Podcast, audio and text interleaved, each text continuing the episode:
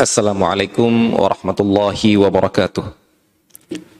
Alhamdulillah wassalatu wassalamu ala Rasulillah wa ala alihi wa sahbihi wa mawalah wa la hawla wa la quwata illa billah. Allahumma arina al-haqqa haqqan warzuqna ittiba'ah wa arina al-batila batila warzuqna ijtinabah wa la taj'alhu multabisan alaina fanadil. Allahumma ja'alna mimman yastami'ul qawla fayattabi'u ahsanah fa innaka waliyu dhalika wal qadiru alaih.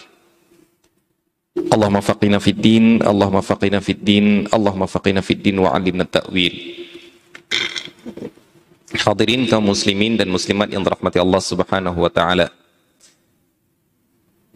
Alhamdulillah kita masih bisa melanjutkan kajian kita dalam rangkaian pembahasan fikih muamalah yang kita ambil dari kitab Asy-Syarhul Mumti' karya Syekh Muhammad bin Saleh Al-Utsaimin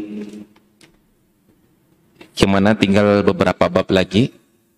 Mungkin cuma sekitar tiga ataupun dua bab lagi. Insyaallah kemudian kita akan menyelesaikan fikih muamalah. Pada pertemuan yang lalu kita telah mengambil telah membahas pembahasan tentang wakaf. Dan yang dan wakaf itu adalah salah satu akad yang termasuk dalam akad tabarru'at. Akad yang tidak ada timbal baliknya dengan manusia, namun yang diinginkan adalah ridho dari Allah Subhanahu wa taala. Maka dinamakan itu akad derma, akad sosial atau akad tabarru'at. Dan insya Allah pada pada hari ini kita akan masuk ke dalam pembahasan sebuah akad tabarru'at juga yaitu hibah dan atiyah.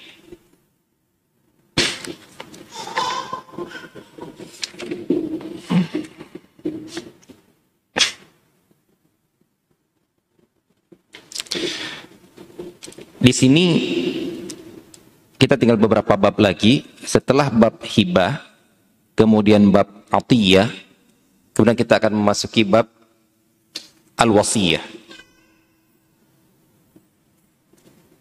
Baik, al-wasiyah. Terus mungkin ada yang bertanya, uh, sedekah masuk ke mana? Sedekah kan juga berhubungan dengan harta. Terus juga diberikan untuk orang lain. Dia juga termasuk dari akad tabarru'an. Akad derma, akad sosial. Dia masuk ke mana? Wakaf sudah kita lewati. Hadiah sedang kita uh, bahas sekarang ini, yaitu hibah. Hibah itu adalah hadiah. Nanti akan kita bahas atiyah. Terus sedekah masuk ke mana? Ataupun kemudian kita bilang infak. Ataupun juga sering kita dalam bahasa Indonesia malah ada sebuah ada, ada lebih perincian lagi. Badan amil zakat infak dan sedekah. Dulu ada namanya bazis. Badan amil zakat infak sedekah.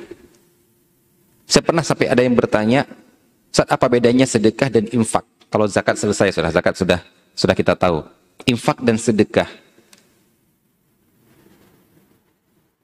Kenapa ada pertanyaan seperti itu? Karena ada yang membedakan seperti itu. Sampai ini infak, ini sedekah.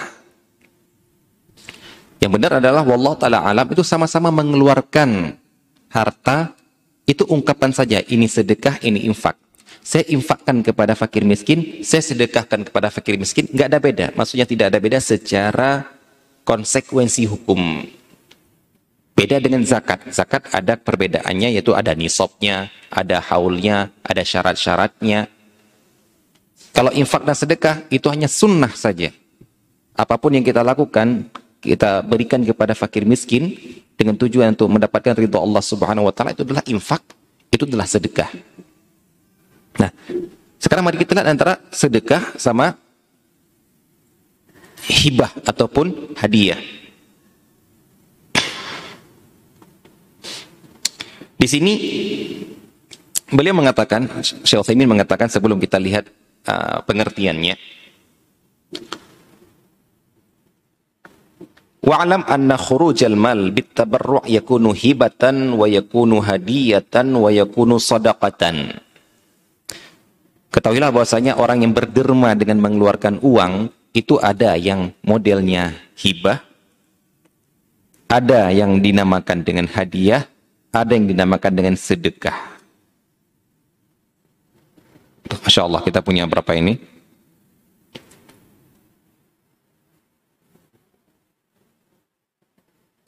Hadiah.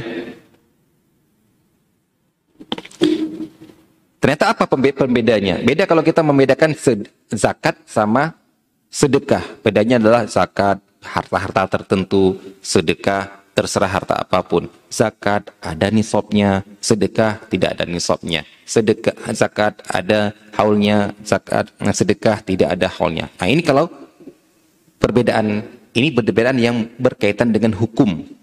Ternyata kata beliau di sini, fama qasada bihi thawabul akhirah bidzatihi fahuwa sadaqah.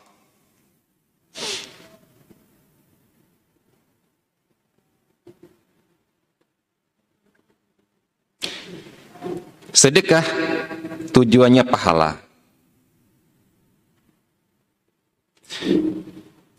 Wa ma qasada bihi tawaddud wa ta'lif fahuwa hibah. Adapun untuk hadiah tujuannya adalah untuk cinta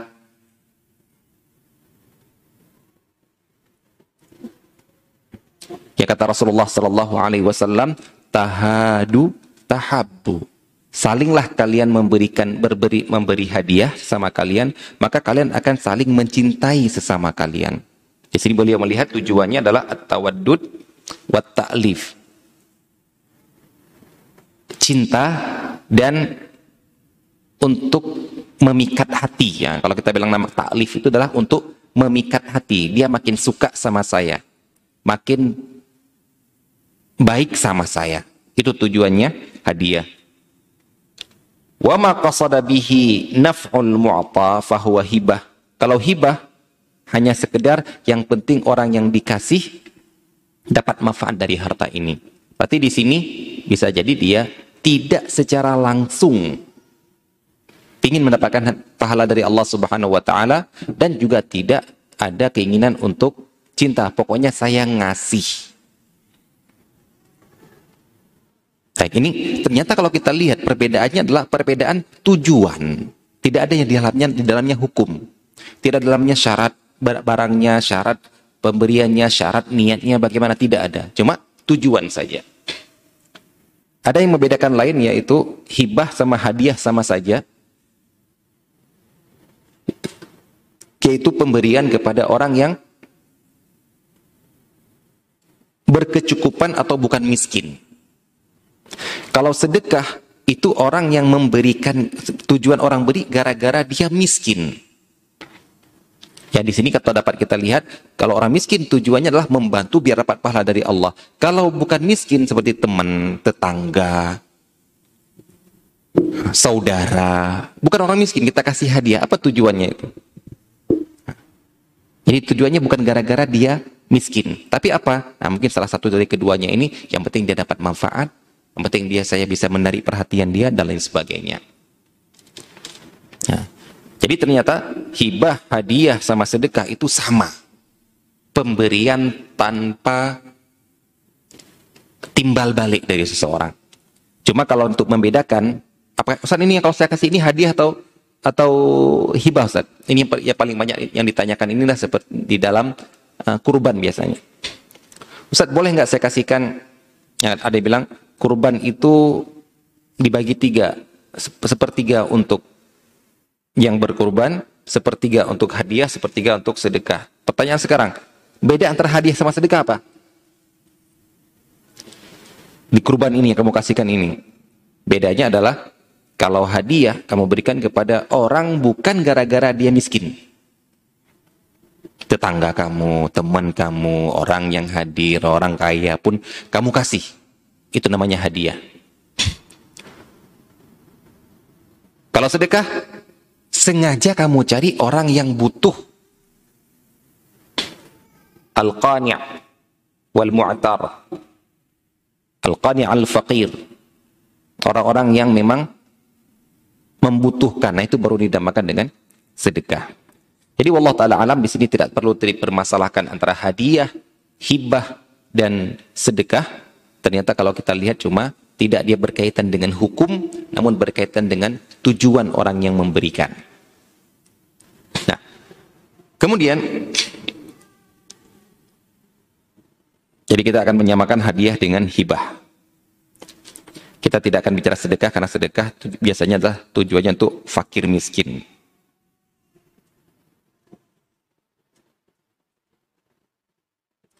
Nah, hadiah dan hibah ini ada sebuah kekuatan yang yang benar-benar kata Rasulullah sallallahu alaihi wasallam tahadu tahabbu salinglah kalian berbuat ke, uh, saling memberi hadiah maka kalian akan saling mencintai. Nah ada sebuah kekuatan yang terdapat di dalam hadiah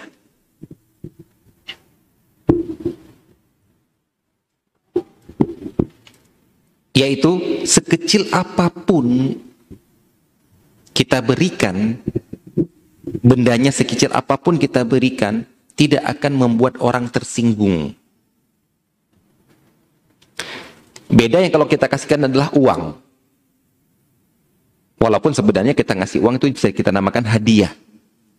Kita ngasih uang ke seorang bukan orang kaya eh bukan orang miskin orang kaya itu bisa kita namakan hadiah bisa tapi umumnya yang kita namakan hadiah adalah benda. Nah, sekecil apa pun benda yang kita berikan kepada seseorang, dan dia bukan fakir miskin, dan dia bahkan dia orang kaya, maka orang akan menerimanya tanpa tersinggung. Tapi kalau kita kasihkan uang, ada ketersinggungan pada dirinya. Contoh, antum pulang dari umroh, kemudian ternyata lupa lupa beli oleh-oleh, lupa beli minyak wangi.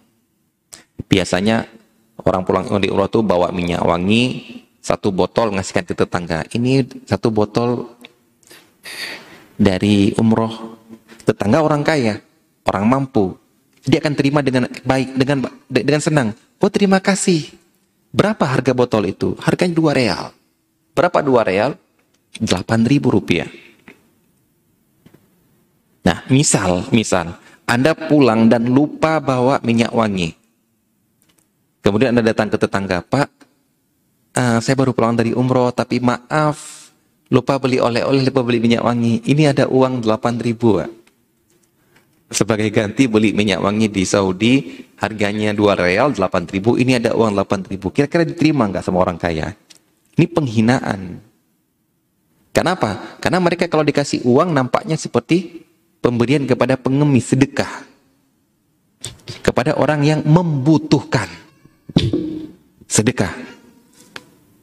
Tapi kalau kita kasihkan barang, benda, maka ini adalah hadiah yang terkadang orang nggak butuh itu. Tapi hanya sekedar untuk menyenangkan orang yang memberinya, akhirnya kita terima itu sebagai hadiah. Ini Allah Ta'ala anda melihat adalah sebuah kekuatan pengi, pengikat cinta antara antara orang dengan orang lain yang terdapat di dalam pemberian hadiah. Nah, sekarang mari kita lihat antara hadiah, hibah, sedekah ini bedanya dengan atiyah. Maka akan kita lihat dua perbedaan ini dalam definisi. Hibah adalah pemberian harta kepada orang lain selama masih sehat walafiat. Sedangkan atiyah adalah pemberian harta kepada orang lain ketika sedang sakit pembawa mati. Berarti bedanya di sini adalah antara sehat sama sakit pembawa mati. Ini yang membedakan antara atiyah sama hibah yang nanti akan ada konsekuensi perbedaannya di dalam hukum. Nah, ini yang kita inginkan. Kita akan inginkan membedakan sesuatu dengan satu lain kalau ada konsekuensi dalam hukum. Tapi kalau hanya sekedar beda yang menerima, beda apa dapat pahala atau tidak, tujuannya itu pahala atau tidak, nah, itu kita kita tidak bahas di dalam fikih. At-tabarru' bil mal bitamlikil mal fi hayatihi ketika masih sehat walafiat. Sedangkan kalau atiyah ketika sedang sakit pembawa mati. Apa apa apa saja penyakit pembawa mati nanti akan kita lihat di per, di di perincian uh, jenis-jenis penyakit yang diderita oleh seseorang. Nah, mari kita lihat satu persatu.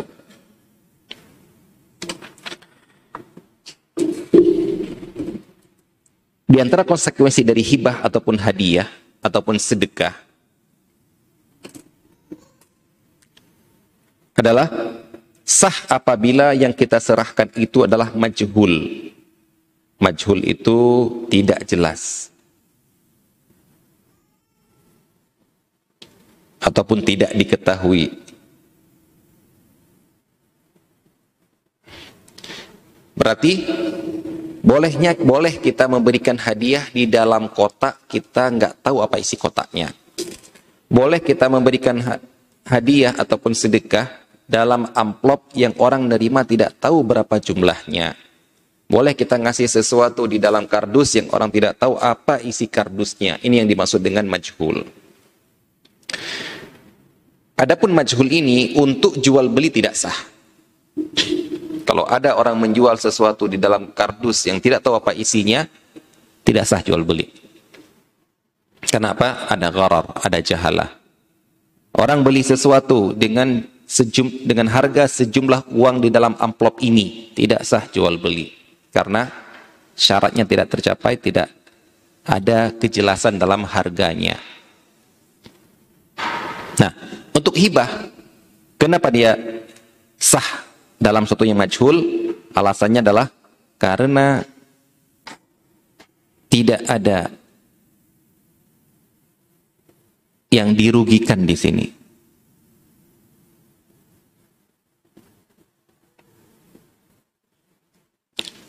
Kenapa tidak, tidak dirugikan? Kenapa? Karena akadnya derma sosial bukan tukar menukar.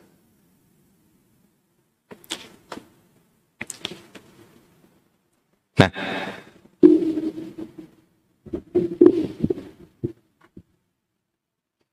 Kalau dalam tukar menukar, saya ngasih segini, saya dapat yang saya harapkan seperti ini ternyata tidak seperti itu, di sini ada gharar.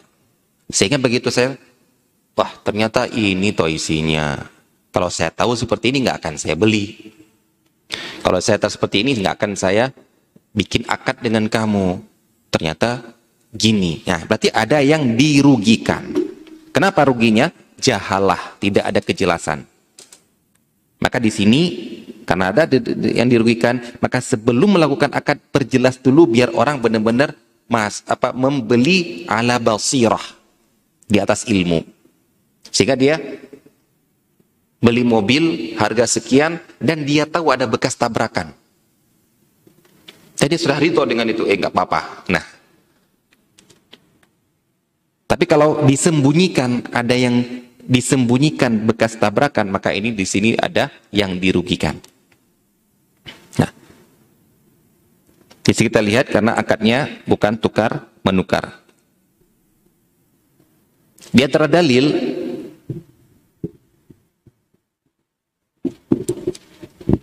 yang menjelaskan hal ini adalah sabda Rasulullah sallallahu alaihi wasallam, "Man bana lillahi masjidan kamif hasil qita kalau salah hadisnya seperti itu. Barang siapa yang membangun masjid untuk Allah yang sebesar sarang burung merpati. Gimana kok? Kok bisa masjid sebesar sarang burung merpati? Banallahu lahu baitan fil jannah. Maka Allah akan membangun untuk dia rumah di surga. Ini sedekah yang menunjukkan bahwa sebesar apa pun kamu bangun untuk kalau untuk sedekah diterima oleh Allah dapat pahala. Berarti kalau kamu mau bangun masjid hanya sekedar satu tegel satu sak semen ah, diterima sah. Tapi kalau kita mau jual rumah, saya jual rumah, saya jual rumah. Kemudian begitu dia beli rumah sudah kasih uang, ternyata rumahnya sebesar sarang merpati.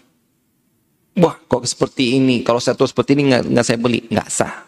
Tapi saya bilang saya akan bangun masjid. Apakah saya harus memperjelas masjid sebesar ini? Enggak. Ternyata saya bangun masjid ternyata kecil. Ya, ini adalah sosial, nggak ada yang merugikan saya. Saya bangun seperti ini. Saya akan bangun masjid untuk masyarakat ini. Karena saya bangun masjid ternyata kecil. Saya bangun masjid ternyata sederhana. Saya bangun masjid ternyata seperti ini. Ini nggak usah di diprotes gara-gara ini adalah akad sosial. Nggak ada yang dirugikan. Beda halnya kalau akadnya adalah akad komersial, yaitu akad yang ada timbal balik ataupun ada transaksi di dalamnya tukar menukar.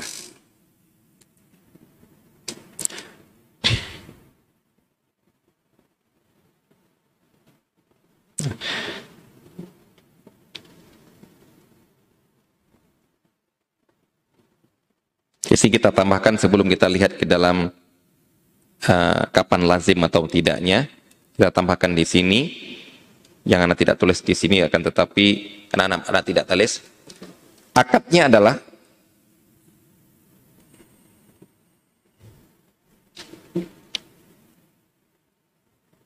dengan lafal atau perbuatan yang menunjukkan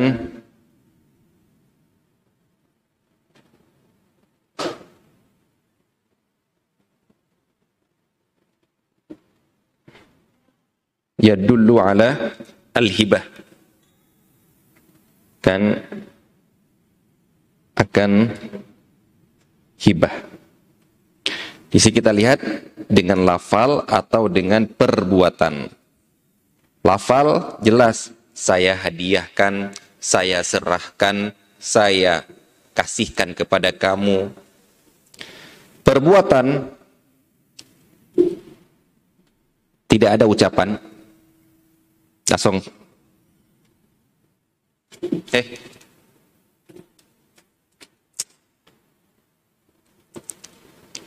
Nah, apakah sah dinamakan itu telah hibah? Di sini kata Syekh Utsaimin untuk akadnya boleh dengan lafal atau perbuatan tanpa lafal selama perbuatan itu dipahami tujuannya adalah untuk hibah. Ini saya, saya tidak kenapa saya nggak nggak menuliskan di sini karena ini telah kita lewati di dalam uh, jual beli bahwasanya kita merojikan jual beli itu tidak ada lafal khusus harus saya jual, harus saya beli. Lafal apa pun yang selama orang memahami itu dah jual beli, saya kasih. Mana? Hmm. Berikan untuk saya. Ternyata tujuannya dia tahu adalah jual beli karena harus ada uang yang di yang diserahkan. Nah, begitu juga dengan lafal hibah. Adakah lafal khusus dari syariat harus wahab tuka saya hibahkan, saya hadiahkan. Haruskah saya sedekahkan? Tidak. Lafal apa pun dan perbuatan apa pun yang menunjukkan pada hibah dia adalah hibah. Baik itu, huh, ambil, ambil aja, pakai aja. Ya. Selama itu dipahami adalah hibah, silakan dia adalah hibah. Nah, di sini untuk hal ini yang dinamakan paham atau tidak paham, ini harus ada yang digaris bawahi. Kita ditirikan di sini menunjukkan akan hibah.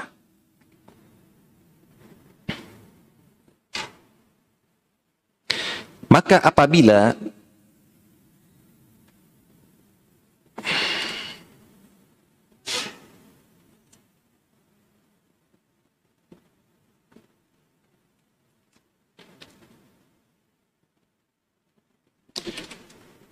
ada kemungkinan-kemungkinan. Ini hibah atau bukan ya? Ini hibah atau bukan ya? Karena dia tidak menggunakan lafal atau menggunakan lafal yang tidak menjelaskan kepada hibah secara langsung. Maka apa yang harus kita enggak apa istilahnya itu? Apa yang yang yang harus kita terapkan hibah atau bukan? Misalnya, apabila lafalnya mengandung kemungkinan-kemungkinan kemungkinan hibah atau kemungkinan yang lain. Apa kemungkinan lain dalam dalam kita? Misalnya, kita katakan pakai aja.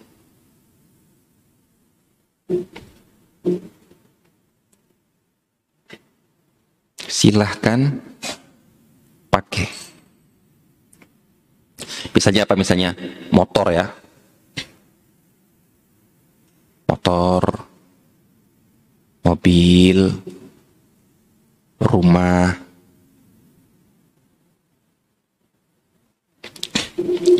Kira-kira menurut antum, kalau Anam bilang ke antum, kamu nggak punya motor ya? Gak punya. Pakai motoran aja. Anda nggak pernah mengucapkan kata hibah. Beda kalau saya bilang, punya. Udah, saya hadiahkan motor ini untuk antum. Sudah jelas itu. Saya sedekahkan motor ini untuk antum. Sudah jelas itu. Tapi kalau pakai aja, apa menurut pemahaman antum? Bisa, eh, kemungkinan-kemungkinan. Bisa itu hibah dipakai memang untuk dia. Bisa itu cuma hak pakai. Nama, kepemilikan, doman, konsekuensi yang lain masih dipegang oleh pemilik yang pertama. Kira-kira ke mana kita bawa? Kalau model-model seperti ini, seperti ini yang belum menjelaskan ke sebuah kepastian pemberiannya untuk apa. Maka kita katakan ini belum belum dia belum bukan hibah. Kita praktekkan kita praktekkan apa yang disebutkan oleh dia. Kalau pakai ya berarti pakai aja. Saya cuma punya hak pakai. Kenapa? Karena kita harus menunjukkan bahwasanya lafal yang menunjukkan. Sedangkan yang tadi belum menunjukkan. Kenapa belum menunjukkan? Masih ada kemungkinan-kemungkinan. Saya ketika tanya, nggak jelas juga. Dia harus diperjelas dari yang memberikan. Ketika kita tanya, ini hadiah atau bukan? Bukan, itu cuma pakai aja. Nah, nah di sinilah, di sinilah ikhwas sekalian,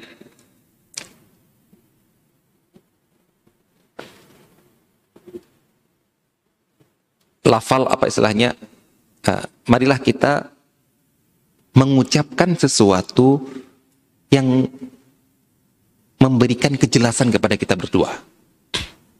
Kenapa? Karena khawatirnya, khawatirnya salah satu mati, salah satu mati sebelum ada kejelasan sehingga cekcok dengan ahli warisnya. Si itu bilang sudah dikasih ke saya, si anaknya bilang enggak, bapak bilang itu enggak mungkin dikasih lah motor cuma disuruh pakai aja kok. Nah, Beda halnya kalau antum kasih motor dengan BPKB langsung. Nah, ini sudah pakai nih. Ini, itu sudah ini sudah indikasinya adalah ngasih. Karena BPKB sampai dikasih. Tapi kalau kasih di STNK toh, itu adalah indikasinya bukan hibah.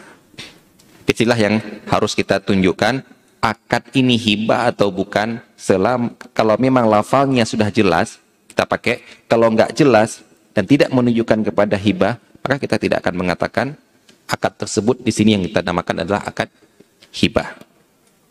Wallahu taala alam. Nah, ini yang sering sekali terjadi. Yaitu bapak punya mobil disuruh pakai sama anaknya. Nina, kamu yang pakai mobil ini. Kamu yang pakai mobil ini. Nak, kamu kuliah pakai mobil ini aja. Kamu pakai mobil ini. Pertanyaan, hibah atau bukan? Bapak punya mobil, kemudian beli mobil lagi. Ini dibilang sama istrinya, Dek, kamu pakai mobil ini aja. Pakai mobil ini aja. Ke mana-mana udah pakai mobil ini aja. Biar saya yang pakai mobil warna merah itu. Kamu pakai warna warna warna biru ini. Nah, pertanyaannya, hadiah atau bukan? Nah, inilah yang paling banyak ditanyakan ketika meninggalnya si bapak. Ditanya ke ustadz. Ustadz jawabnya apa? Lah, yang kalian tahu apa? Hibah atau bukan? Kami nggak tahu Ustadz. Apalagi Ustadz. Hmm. Itu jawabannya harusnya seperti itu. Kalian aja yang keluar, yang dikasih, yang disuruh pakai, kalian nggak bisa memperjelas itu itu hadiah atau tidak. Kemudian saya kamu tanya saya, maka saya akan tanya balik. Ucapannya apa? Pakai aja. Sudah. Kalau ucapan pakai bukan hibah. Kenapa? Ucapan pakai bisa gini, bisa gitu. Sedangkan yang namanya hibah, kalau memang ucapannya adalah kita bawa ke hibah, yang benar-benar semuanya tahu ini tunjukkan adalah hibah. Ini kamu aja nggak tahu kan? Ya nggak tahu, nggak jelas. Ah, berarti bukan hibah. Kita kembalikan kepada asal, asalnya benda itu punya bapakmu. Kamu cuma disuruh pakai saja. Itu asalnya. Karena kalau saya sekarang ngasihkan ke kamu, berarti saya telah memindahkan dari sebuah asal. Asalnya punya bapak kamu, sekarang saya pindah kepadamu. Kalau tidak ada lafal yang jelas, saya nggak berani. Dan lafalnya cuma kata kamu katakan pakai saja. Nah kata-kata pakai saja itu bisa bernada pinjem. Nah inilah ya wah sekalian, paling banyak cekcok, paling banyak ditanyakan masalah waris ini. Mobil itu warisan atau punya saya Ustaz? Motor itu warisan atau punya saya Ustaz? apa ucapannya? Ya, dibilang pakai aja. Beda halnya kalau nak ini mobil motor untuk kamu, ini BPKB-nya ambil untuk kamu. Selesai sudah. Kita tahu. Tapi BPKB masih atas nama bapak, dipegang bapak, motor cuma dikasih STNK, pakai aja. Wallah ta'ala mana lebih cenderung ini bukan hibah. Ya. Apalagi kalau kita bawa ke madhab yang benar-benar harus kalau hibah harus ngomong hibah. Sedangkan kita mau ngambil pendapat Syekh Utsaimin yang boleh dengan lafal apa pun yang bisa menunjukkan kepada hibah. Bahkan perbuatan apa pun yang bisa menunjukkan kepada hibah. Maka yang seperti ini kita harus memperjelas yang menunjukkan kepada hibah ini yang dipahami oleh semuanya. Selama belum menunjukkan kepada hibah, kita kembalikan kepada asal itu adalah harta si yang pertama itu. Nah, setelah akad,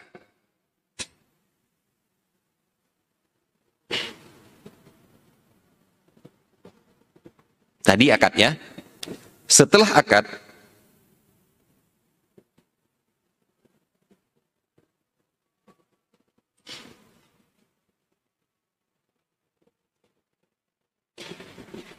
ada proses berikutnya yang dinamakan dengan qabd.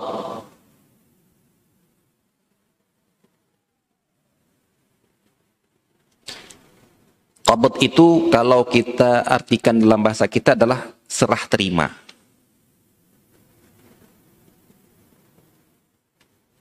Sudah benar-benar lepas dari tangan pemberi dan diterima ditarik di tangan si pen, si, si, si, si penerima. Itu namanya qabd. Nah, setelah akad sampai dengan qabd, apa status barang hibah ini? Statusnya apa?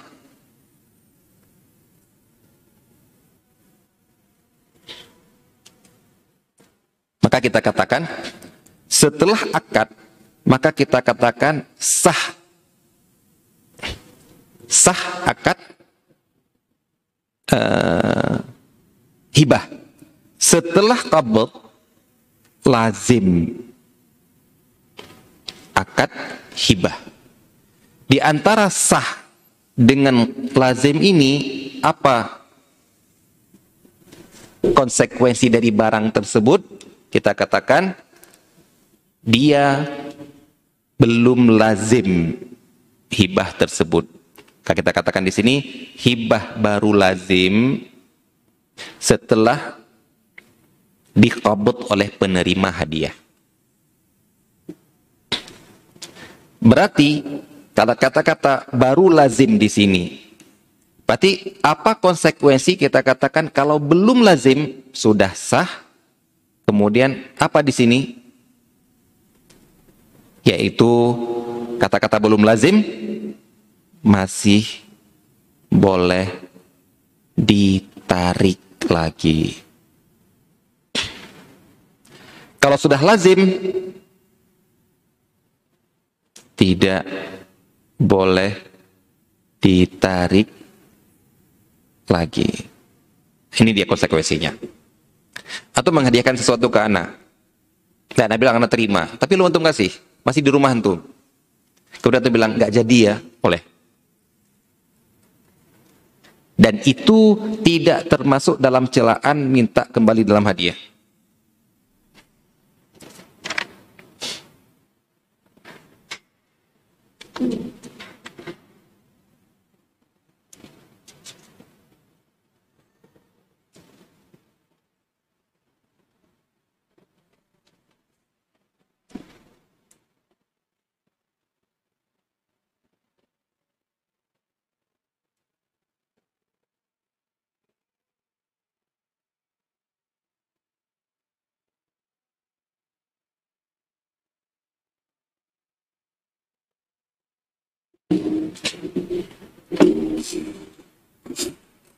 Baik.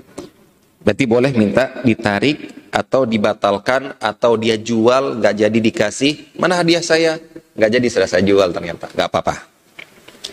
Kenapa? Seperti inilah seperti ini juga yang terjadi pada akad jual beli.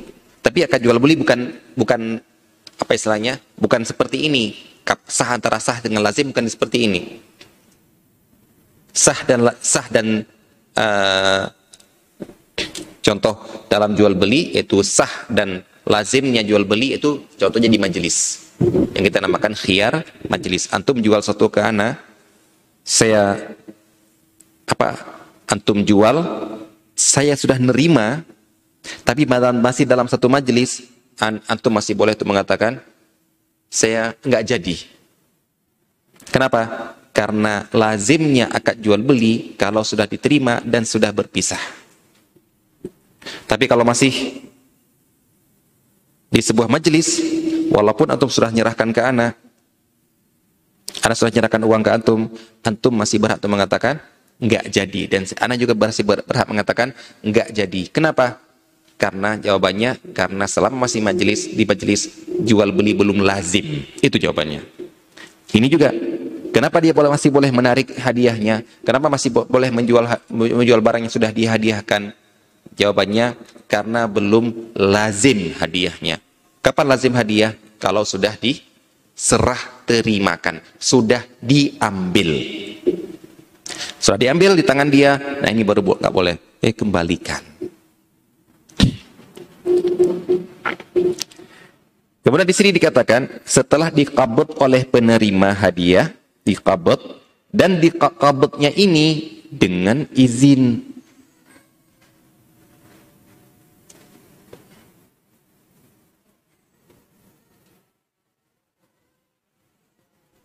dengan izin dari si pemberi hadiah. Ya boleh misalnya antum antum bilang, "Saya hadiahkan motor saya yang di rumah itu." Saya terima. Langsung antum lari ke rumah kemudian Anda ambil motor antum. Enggak boleh. Kenapa? Karena Anda mengambil motor antum yang antum hadiahkan ke Anda tanpa izin dari antum. Beda halnya kalau, ayo ambil yuk ke rumah yuk, ke rumahmu ayo ambil yuk. Ayo. Eh, salah, ambil sekarang. Akadnya tadi, akadnya tadi, ngambilnya sekarang. Kenapa? Dan sekarang ketika antum ambil, diizinkan oleh si pemberi hadiah, baru sah. Tapi antum ngomong, sekarang antum hadiahkan ke ana, habis maghrib, habis sholat maghrib, ana langsung ke rumah antum, tanpa antum tahu, ana ambil motor, dengan alasan, sudah dihadiahkan kok, dan saya sudah menerima, sekarang saya mau kabut. Nah, kita katakan, tidak boleh. Tidak sah, tidak tidak sah, tidak lazim, tidak boleh kamu gunakan. Kenapa kata Syekh Utsaimin di sini?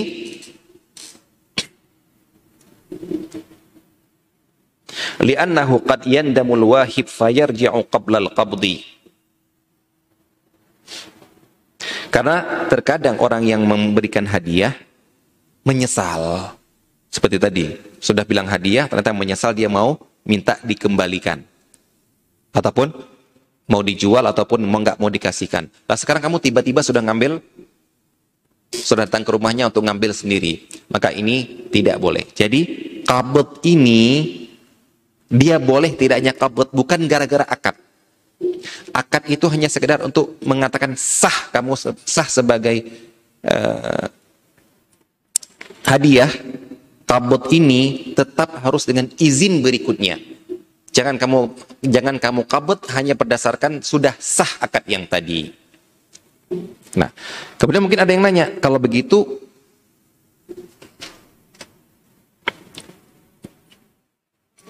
di sini lazim, di sini sah.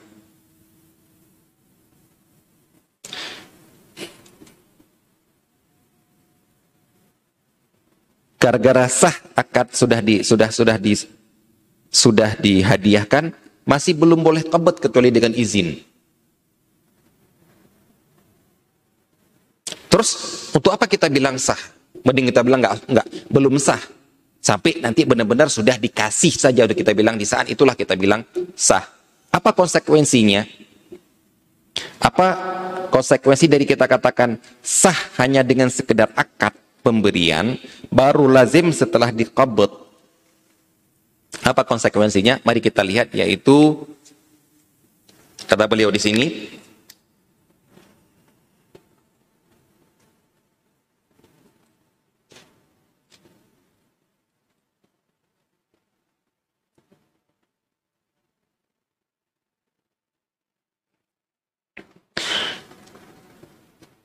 apabila dikabut di sini apabila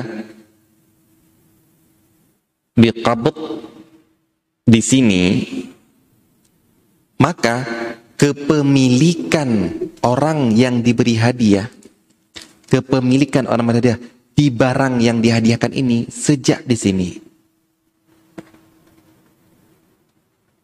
Kepemi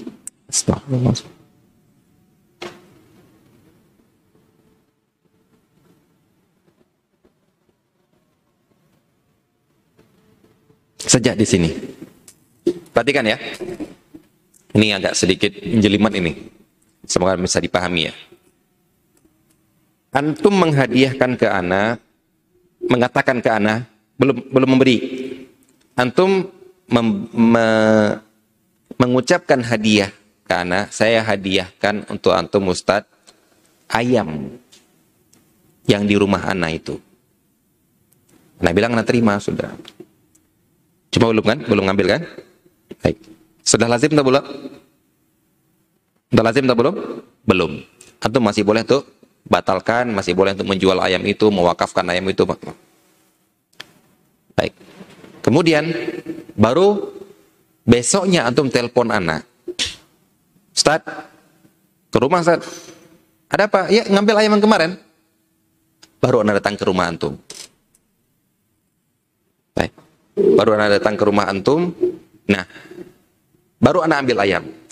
Sekarang anak ambil ayam atau misalnya hari Jumat antum atau antum hadiahkan. Anak ngambil ayam hari Sabtu. Hari Sab hari Sabtu anak ambil ayam. Baik ayam itu jadi milik anak sejak kapan? Sejak kemarin hari Sabtu hari hari hari Jumat Katakan di sini, fa idza qawadaha milkul mauhub lahu wa milkuhu minal aqdi. Bayangkan ini ya. Atum kasihkan hari Jumat, tapi baru atum serahkan hari apa? Sabtu dan anak ambil hari Sabtu dan kepemilikan anak pada barang itu sudah berlaku sejak Jumat. Tapi kalau antum belum menyerahkannya hari Sabtu, antum baru akad hari Jumat, antum masih boleh men menjualnya, membatalkannya. Anak belum memiliki barang itu di hari Jumat. Tapi kalau anak ngambil hari Sabtu, kepemilikan anak sudah mulai hari Jumat. Antum panggil anak hari Ahad, kepemilikan anak barang itu sudah mulai hari Jumat. Antum panggil anak hari Senin, Sat, ayo ambil Sat. Kepemilikan apa? Kepemilikan anak sudah mulai sejak hari Jumat. Apa maksudnya itu? Yaitu apabila ada kenaikan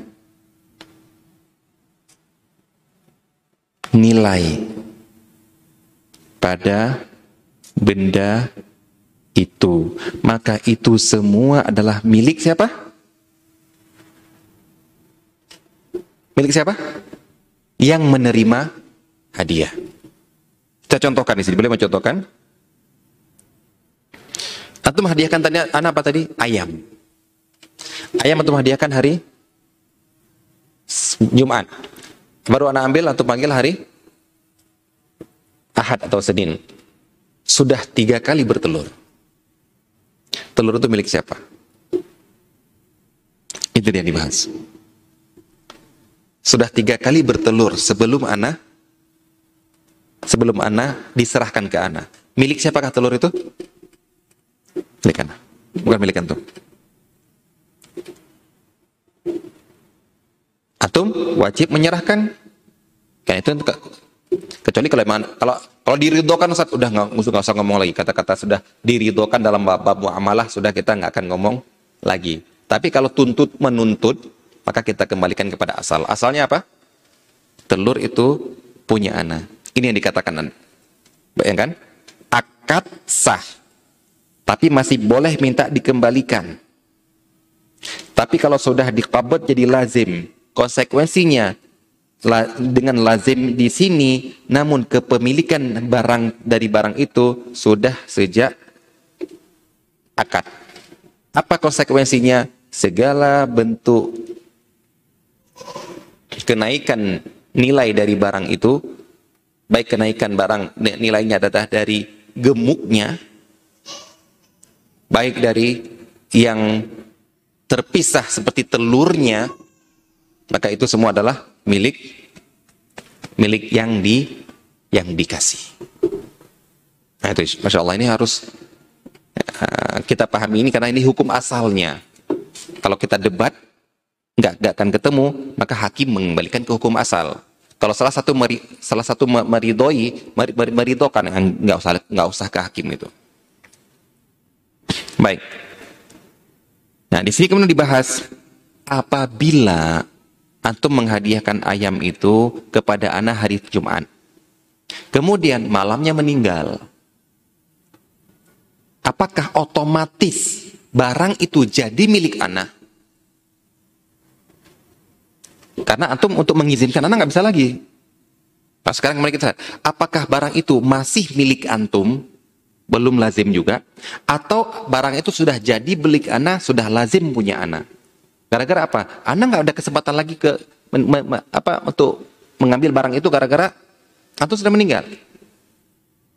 Apa yang terjadi di sini? Beliau katakan, ahli waris pemberi hadiah, pemberi hibah, mengambil alih posisi pemberi hibah dalam menyuruh kabut atau tidak. Maksudnya apa? Begitu atau meninggal, barang itu belum masih belum punya anak. Sebagaimana tadi, belum atau menyuruh anak ngambil, belum jadi milik anak. Tapi ahli waris antum berperan pengganti antum untuk menyuruh anak ngambil atau dia batalkan dengan cara dia mengambil untuk mereka atau me, me, menjualnya. Kan dikatakan di sini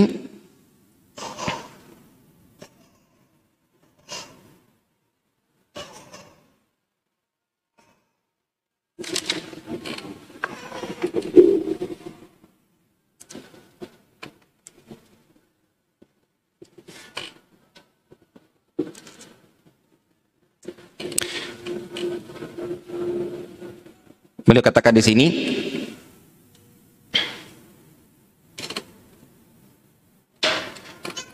Ahli waris yaqumu maqamahu. Ahli waris antumlah yang kemudian berperan. Ustaz mau ngambil nggak? Atau anda datang kali waris eh ayam itu kemarin bapak kalian menghibahkan kepada anak Gimana? Sudah boleh anak ambil belum? Maaf nggak jadi.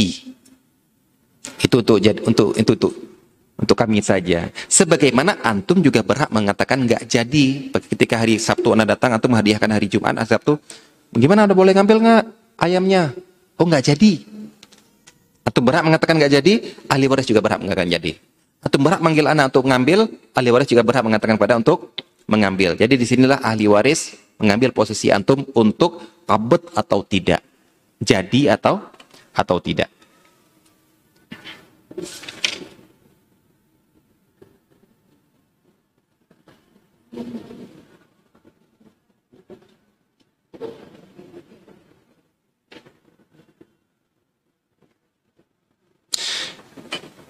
Adapun ahli waris uh, maaf. Ini yang ini kalau pemberi hadiah yang mati. Adapun kalau penerima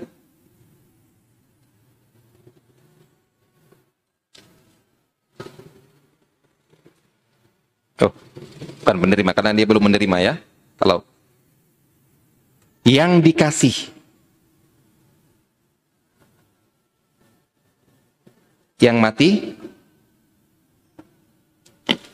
antum menghadiahkan kepada ayam di rumah itu. Belum anak ambil, anak mati. Tengah apa habis maghrib anak mati. Apakah ahli waris anak kemudian jadi uh, ke antum karena tahu ada yang mendengar misalnya, Pak, ayam yang Bapak hadiahkan ke ayah anak itu mana? Kita mau jadikan barang warisan. Apakah seperti itu? Kata beliau tidak. Kalau yang dikasih hadiah, yang mati sebelum diterima, maka konsekuensinya adalah batal hibah. Udah, itu nggak jadi. Gak boleh ahli warisan yang nuntut, mana, mana, mana kamu ngambil, nggak ada. Sudah batal. Tapi kalau antum yang mati, ber berpindah kepada ahli waris. Taib. Insyaallah yang berikutnya akan kita sampaikan pada pertemuan yang habis maghrib insyaallah. Sallallahu alaihi Muhammad wa alihi wasallam. Assalamualaikum warahmatullahi wabarakatuh. Alhamdulillah.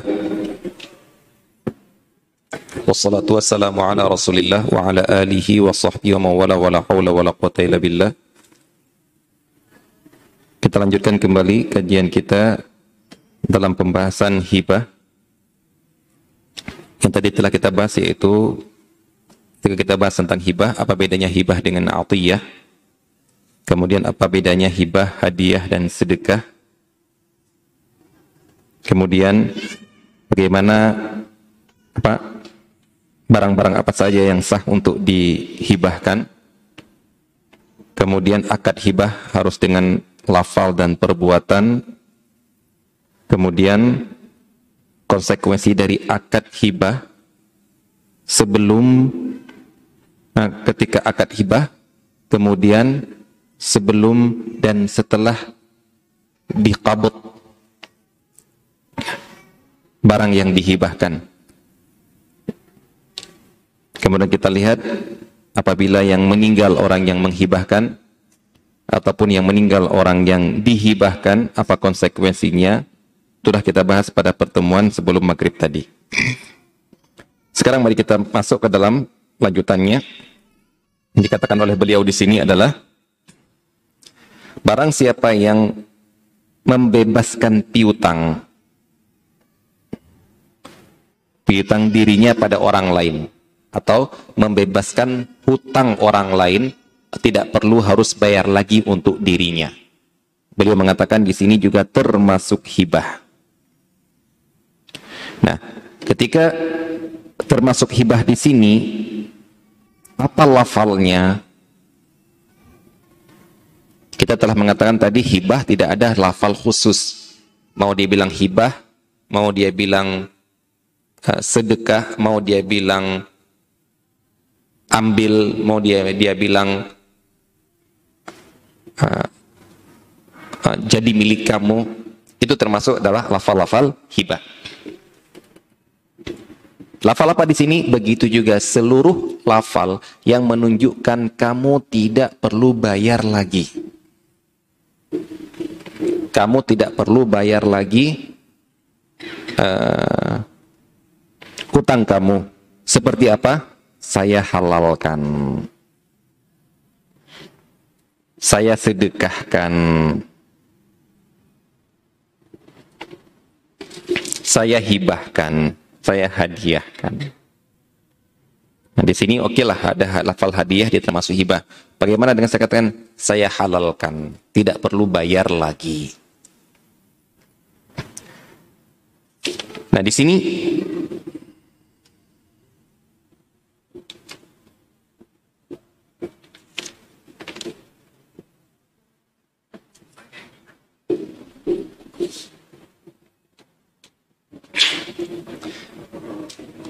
sini baru bebas dari utang orang orang tersebut baru bebas dari utang apabila dengan lafal.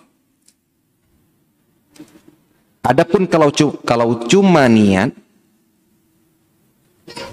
maka tidak dikatakan bebas.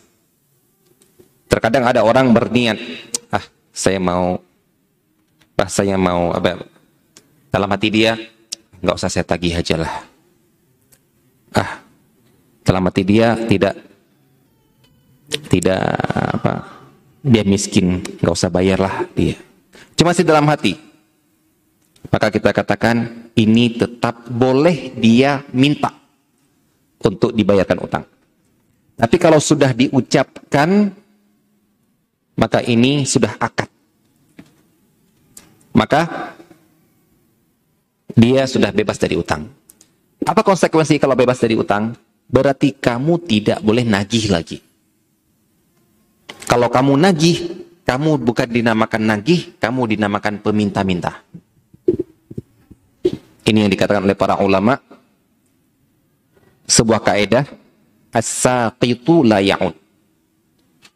Suatu hak yang sudah digugurkan tidak berhak lagi untuk dia minta untuk ditunaikan karena dia sudah menggugurkannya. Contoh haknya apa? Utang saya, saya punya hak untuk nagih. Ingat ya, nagih itu hak, bukan kewajiban. Membayar utang itu kewajiban. Yang berarti apa konsekuensi antara hak dan kewajiban dalam bayar utang, dalam bayar ataupun nagih utang? Nagih utang itu hak Berarti kalau ada orang lain yang nagih hutang saya, saya punya hutang sama A. Si B teman saya tahu. Ah, bukan saya. Orang si A punya hutang sama saya. Orang lain tahu si A punya hutang sama saya. Si B ini karena dia sayang kasihan sama saya, nggak berani nagih, dia yang nagih. Tanpa seizin saya. Nggak boleh. Kenapa? Itu hak saya. Baru boleh kamu nagih kalau saya mengizinkan. Kenapa? Karena terkadang saya akan menggugurkan hak ini, loh kamu kok minta? Beda kalau antum wajib, si A wajib melunasi utang. Ini wajib, kalau tadi hak ya, wajib. Datang si B, dilunasi utang si A kepada anak tanpa sepengetahuan ini. Boleh? Kalau tadi datang orang nagih utang tanpa sepengetahuan anak, nggak boleh. Dan itu hak anak. Sekarang si B, si A wajib bayar utang ke anak. Datang si B tanpa bilang-bilang sama si A, langsung bayarkan utang si A ke anak. Boleh? Boleh. Kenapa? Itulah beda antara hak dan kewajiban. Dia wajib, sudah ditunaikan kewajibannya. Nggak perlu tunaikan lagi. Kalau hak saya, kalau kamu menuntut, minta izin dulu sama saya. Itulah antara hak dan kewajiban di dalam dalam bayar utang itu ya, yang membedakannya. Nah, kemudian konsekuensi dari apa dari kita lanjut yang kita lanjutkan tadi yang as-saqitu layaun yang kalau dalam bahasa letterleknya artinya adalah sesuatu yang sudah digugurkan, sudah sudah digugur, sudah jatuh, nggak akan kembali lagi. Nggak boleh kita minta untuk kembali lagi seperti semula. Apa contohnya? Para ulama mencontohkan gini. Ada orang yang membunuh keluarga kita dengan sengaja. Di sini kita punya hak. Keluarganya punya hak apa? Punya hak nuntut dieksekusi atau nggak usah dieksekusi tapi bayar diat atau sulh ibarat sebagian ulama mengatakan bukan diat tapi sulh Kamu bayar sekian, sekian miliar, maka kamu kami tidak akan nuntut eksekusi. Boleh? Boleh, ada pilihan. Boleh kami minta eksekusi, eksekusi, penggal. Kata bilang, nggak usah, bayar bayar aja sekian, boleh juga. Nah punya hak ini kan? Nah, kalau dia telah menggugurkan sebuah hak, nggak boleh minta lagi. Dia bilang misalnya, Gimana kita eksekusi nggak? Kita musyawarah mereka selama keluarga kita minta eksekusi nggak? Udah nggak usah lah. Kita minta uang aja lah. Baik, yang kita bilang sama hakim, Pak Hakim, nggak usah ada eksekusi. Ke uang sajalah. Baik, besok kita datang, Pak Hakim, nggak jadi nggak jadi. Eksekusi aja. Kan, kan belum kan, Pak Hakim dia belum ngasih uang, belum ngasih uang ke kita, sudah. Barang kalau begitu, eksekusi aja, nggak usah ngasih uang. Nggak boleh lagi. Kenapa? Kamu telah menggugurkan hak kamu untuk nuntut eksekusi, kemudian nggak akan balik lagi. Begitu juga kalau utang. Begitu kamu bilang, saya halalkan sudah. Gak usah bayar. Gak ini, gak itu, selesai. Kemudian, uh, yang kemarin itu diralat ya, nggak jadi ya, uh, mohon dibayar ya, maka kita katakan antum bukan minta bayaran, tapi pengemis, minta uang sama orang. Kenapa? Itu bukan hak antum lagi. Dan takutnya apa? Dia memberikan gara-gara nggak enak. Ah itu sudah selesai, itu haram itu udah kita sudah, sudah, sudah melewati perbahasan yang orang yang memberikan gara-gara nggak enak, ya sebenarnya dia nggak mau ngasih, tapi gara-gara nggak enak saya mau ngasih, nggak enak, nggak enak kenapa? Nggak enak omongan orang. Maka itu haram orang yang mengambilnya. Karena seakan-akan dia sekarang diancam dengan pedang sungkan. Kalau begal diancam dengan pedang sesungguhnya. Haram seorang yang begal mengancam orang pakai pedang kemudian dikasih. Gak boleh begal itu bilang, kan dikasih saya. Tuh, dikasih gara-gara apa? Gara-gara ada pedang di depan kamu. Nah sekarang, kan dikasih juga. Kan saya dikasih. Dikasih gara-gara apa? Gara-gara kamu tikam dia dengan pedang gak enakan. Kamu tikam dia dengan pedang, sungkan. Sebenarnya dia nggak mau ngasih.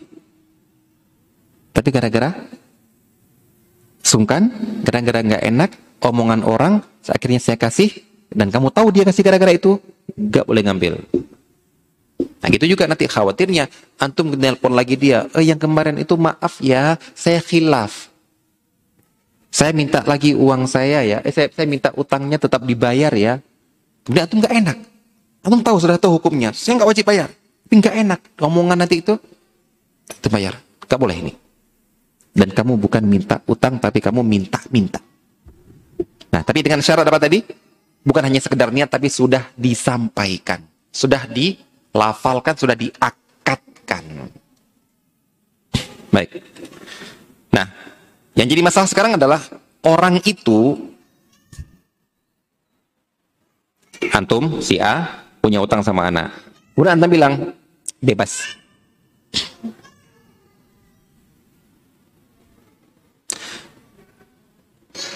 Apakah antum langsung bebas? Tidak perlu antum terima. Saya mengatakan, oh saya terima. Atau dia bilang, antum menerima nggak nerima bebas sudah. Atau mau jawab apa nggak jawab sebab nggak boleh bayar lagi. Apa nggak harus bayar lagi?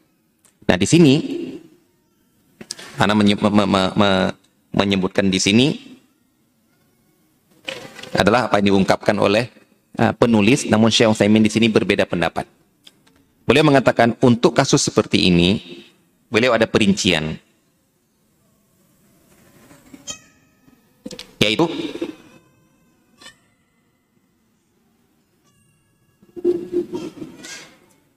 Apakah kalau saya membebaskan utang A nggak usah bayar lagi, antum harus nerima dulu?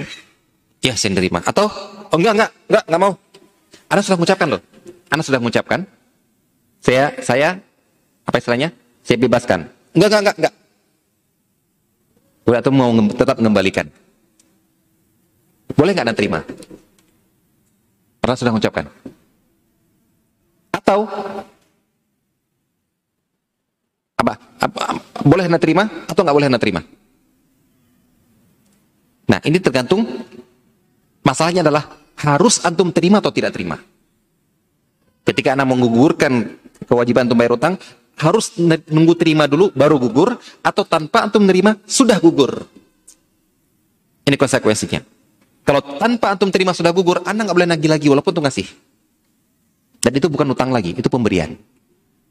Tapi kalau antum harus nerima dulu, baru boleh anak-anak ba, ba, uh, ba, baru gugur. Nah, kalau antum belum terima, tetap oleh ngasih.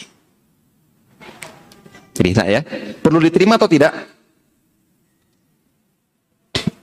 Di sini dalam madhab Salat Hambali dikatakan nggak perlu diterima. Antum terima nggak terima nggak boleh nagih lagi. Dan sudah gugur.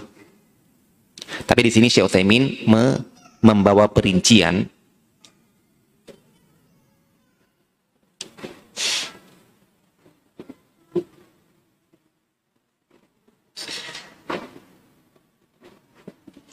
yaitu perincian ditinjau.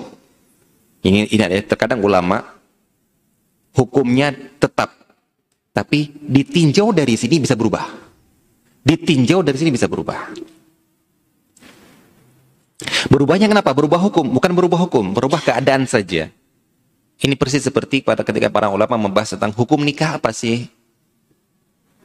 Hukum nikah pada asalnya disyariatkan oleh Rasulullah SAW, dia sunnah, selesai sudah. Tapi ditinjau dari hal ini, dia wajib. Ditinjau dari itu, dia makruh. Ditinjau dari ini, dia haram. Talak, apa hukum talak? Ya, talak hukumnya, ya boleh-boleh saja. Tapi kalau ditinjau dari sini, makruh. Ditinjau dari sana, haram. Ditinjau dari sana, mubah. Ditinjau dari sana, wajib malah.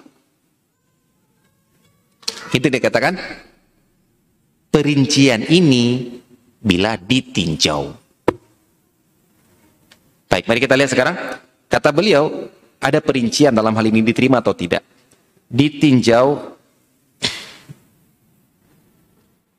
dari anak ungkapkan ungkapan para ulama ya. Nanti akan anak terangkan apa itu. Minnah. Ya, semoga antum nanti akan familiar dengan kata-kata ini seperti yang sudah familiar dengan kata gharar, dengan kata-kata riba, dengan kata-kata rahan, dengan kata-kata doman, dengan kata-kata kafil, dengan kata-kata tabot, dengan kata-kata salam. Semoga dengan sebagaimana antum sudah familiar dengan dengan istilah-istilah fikih yang sudah kita bahas sebelumnya, semoga antum akan familiar dengan kata-kata minnah Double N, bukan minah. Apa itu minnah? Minnah itu adalah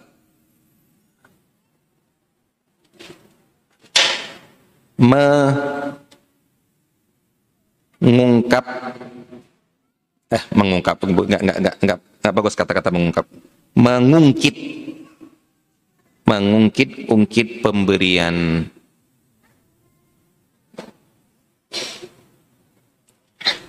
ada seseorang ini dalam hukum fikih berlaku ini. Cuma secara tafsirnya ada sendiri di kitab di, di, di, di bab tersendiri ya. Cuma anda yang pernah anda baca. Contohnya, kapan seseorang wajib bertayamum? Eh, kapan seseorang boleh tayamum? Kapan? Kalau nggak ada air. Kapan dinamakan nggak ada air? Nah ini masalah. Perhatikan ya ikhwas sekalian.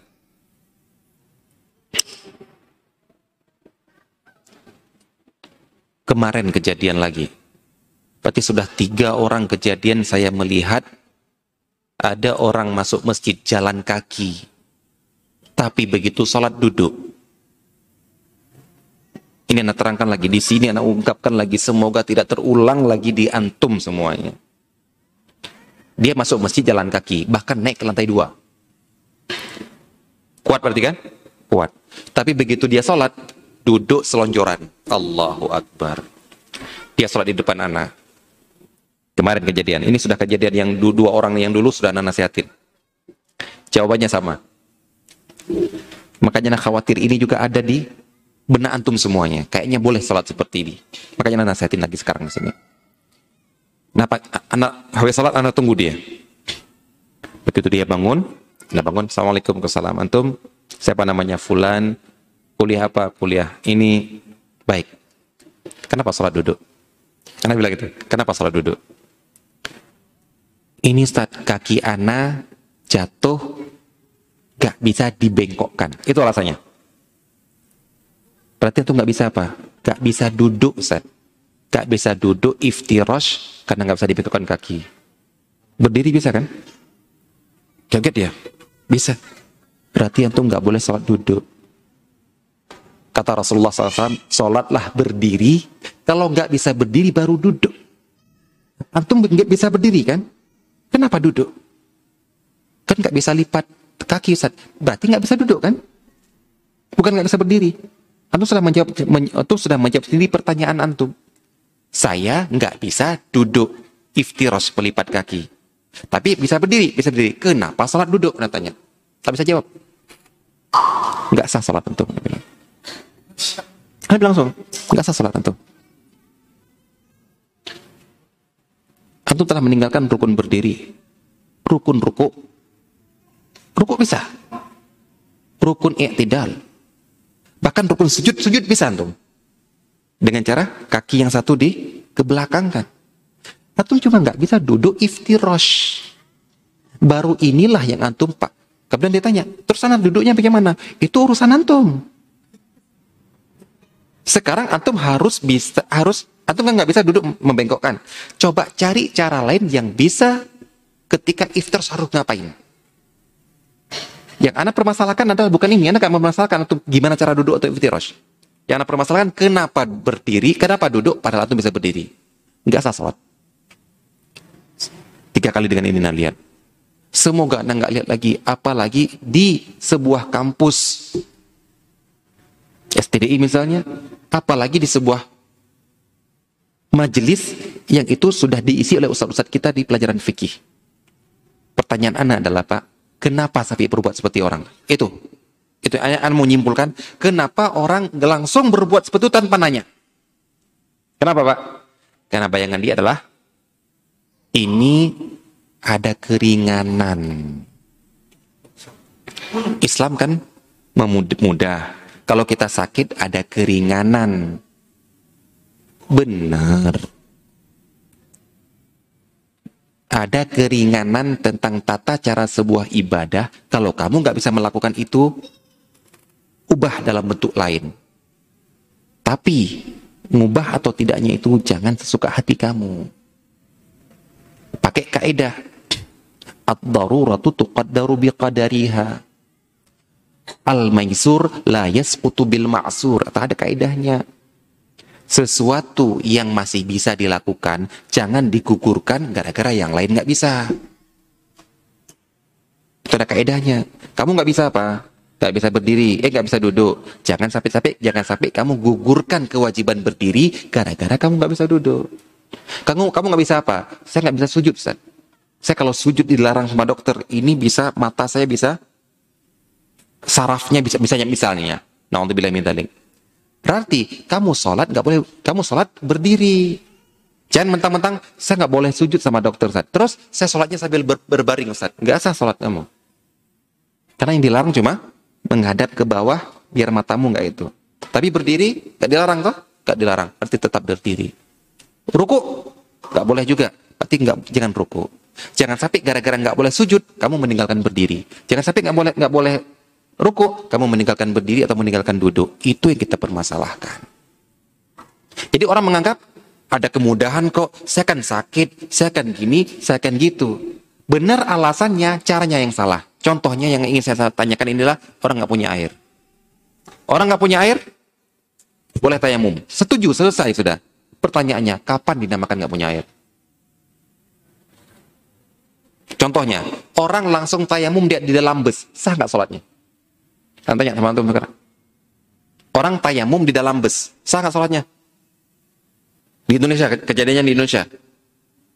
Dengan alasan apa? Saya nggak punya air. Ataupun saya nggak tahu wudhu di mana. Dia punya air aqua, botol, tapi dia tayamum, nggak sah sholatnya. Di luar ada tempat wudhu. Di luar bus ada penjual air, nggak sah sholatnya. Kenapa? Karena dia secara fikih belum dinamakan nggak punya air. Kapan nggak punya air? Dia nggak punya air, dia mencari ke segala penjuru tempat-tempat yang kira-kira ada sekitarnya yang ada yang jual air ataupun ada yang punya air. Itu baru, kalau sudah jadi nggak ada, baru dinamakan nggak punya air. Lah ini ada orang dengan gampangnya di kereta api tayamum, nggak sah sholatnya. Kenapa? Di kereta api ada kamar mandi. Perhatikan ya ikhwah. Enak sekali dia. Kenapa nggak ada air? Saya nggak punya air. Bahkan ulama mengatakan dia nggak punya air. Tanya ke samping teman. Ada air nggak? Ada air lebih nggak? Kalau ada, beli. Seperti ini dinamakan baru baru nggak ada air kalau nggak ada di samping. Ini nggak, saya nggak ada air, langsung tayamum. Nggak boleh, ikhwan. Belajar. Belajar, jangan ambil jangan ambil ilmu global kita secara detil pakai nafsu pakai nafsu kita sendiri. Global boleh tayamum kalau nggak ada air. Benar. Tapi saya di tempat duduk nggak punya air, apakah boleh langsung tayamum? Ada nggak di sampingmu? Di luar masjid, di luar bus ada nggak? Udah ngomong ke, udah ngomong ke sopir belum? Berarti sebentar saya mau beli air. Giliran pipis kok di, diizinkan? Giliran mau makan kok diizinkan? Ketika, ketika sholat nggak mau ngomong? Langsung tayamum, kemudian sholat tidak menghadap kiblat. Tolong, Jangan ambil ilmu global, kemudian kita detail, kita perhatikan sendiri, atau kan bertanggung jawab di hadapan Allah Subhanahu wa taala. Nah, kembali ke minnah. Ulama ada yang mengatakan ini ini contoh ini anak tidak anak kurang tahu secara detailnya, tapi ini salah satunya, yaitu apabila ada orang menghadiahkan air, ambil. Gak boleh tayamum. Tapi kalau ada orang menghadiahkan uang untuk beli air, nggak wajib ambil uang. Ini uang beli air, nggak kak? Saya nggak punya uang. Beli air ada tapi nggak punya uang. Baik. Dan nggak ada nggak ada air yang gratis nggak ada misalnya. Ada yang ngasih uang untuk beli air? Di, di antara ulama yang mengatakan, ini menyampaikan minah itu nggak wajib menerima uang karena uang minnahnya besar. Ada orang menolak pemberian orang lain gara-gara khawatir minnah. Mengungkit-ungkit. Jadi akhirnya tayamum aja sih. Nah, jadi khawatirnya ketika diterima, gak enak ngomongan di belakangnya. Nah, itu dia hampir habis air gara-gara saya kasih aja. Itu ditakutkan. Kalau ya, kalau ditakut, kalau ada memang orangnya baik, nggak takut minah, nggak apa-apa. Nah, jadi di sini kata Syekh Utsaimin untuk apakah kalau dibebaskan utang dari seseorang itu harus nunggu jawaban dia? Saya terima atau tidak atau langsung gugur dilihat perinciannya dari minnah. Kata beliau, kalau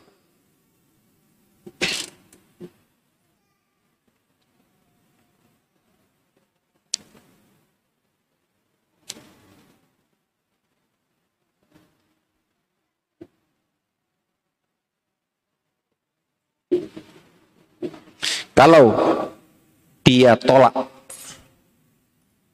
karena takut minnah,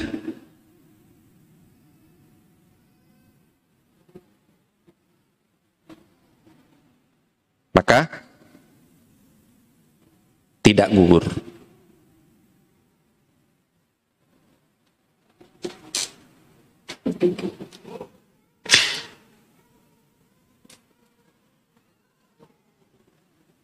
Nah, ini pendapat beliau. Jadi tidak langsung gugur, tergantung orangnya khawatir ini, khawatir itu, dia boleh mengatakan, saya tidak menerima penguburan, saya tetap akan membayarkan ke kamu. Dan ya, tetap dia boleh membayarkan, dan yang menggugurkan, mau mengugur, yang menggugurkan tadi dia masih berhak untuk menerimanya.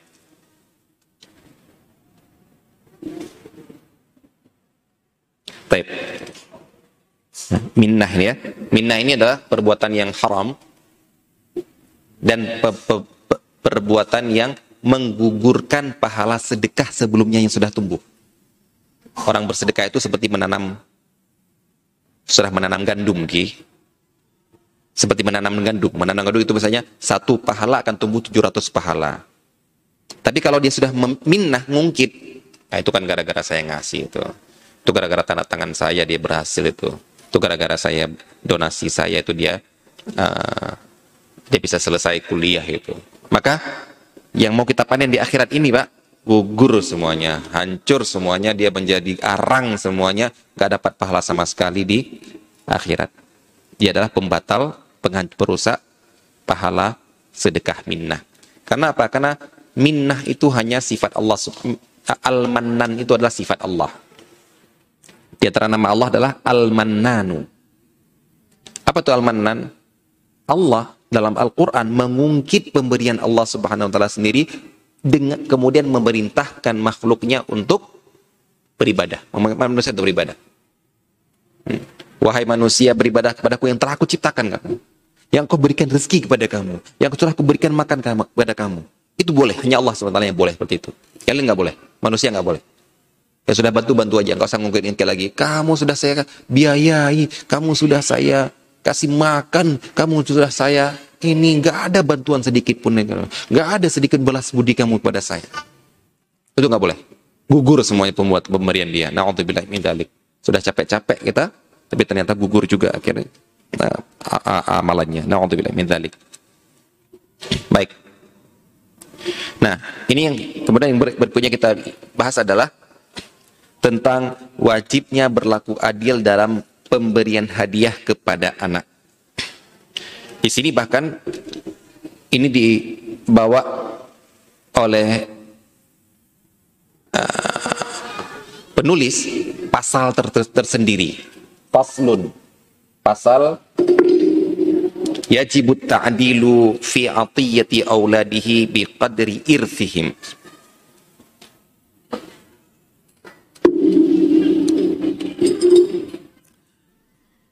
Wajib berlaku adil.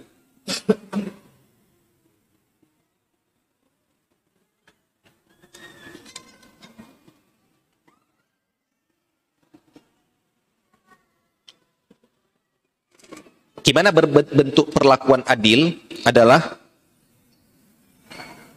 oh, sebelum kita masuk ke dalam perlakuan adil, ketika memberi hadiah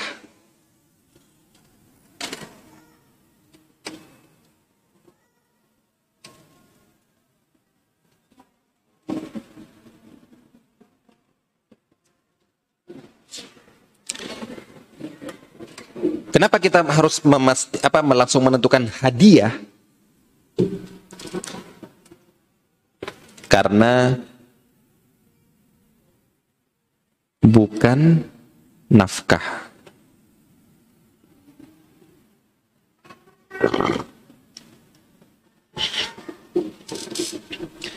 Kenapa? Kalau nafkah lain, adil dalam hadiah yang kita masukkan di sini beda dengan adil dalam nafkah. Karena kalau hadiah, pemberian tanpa sebab.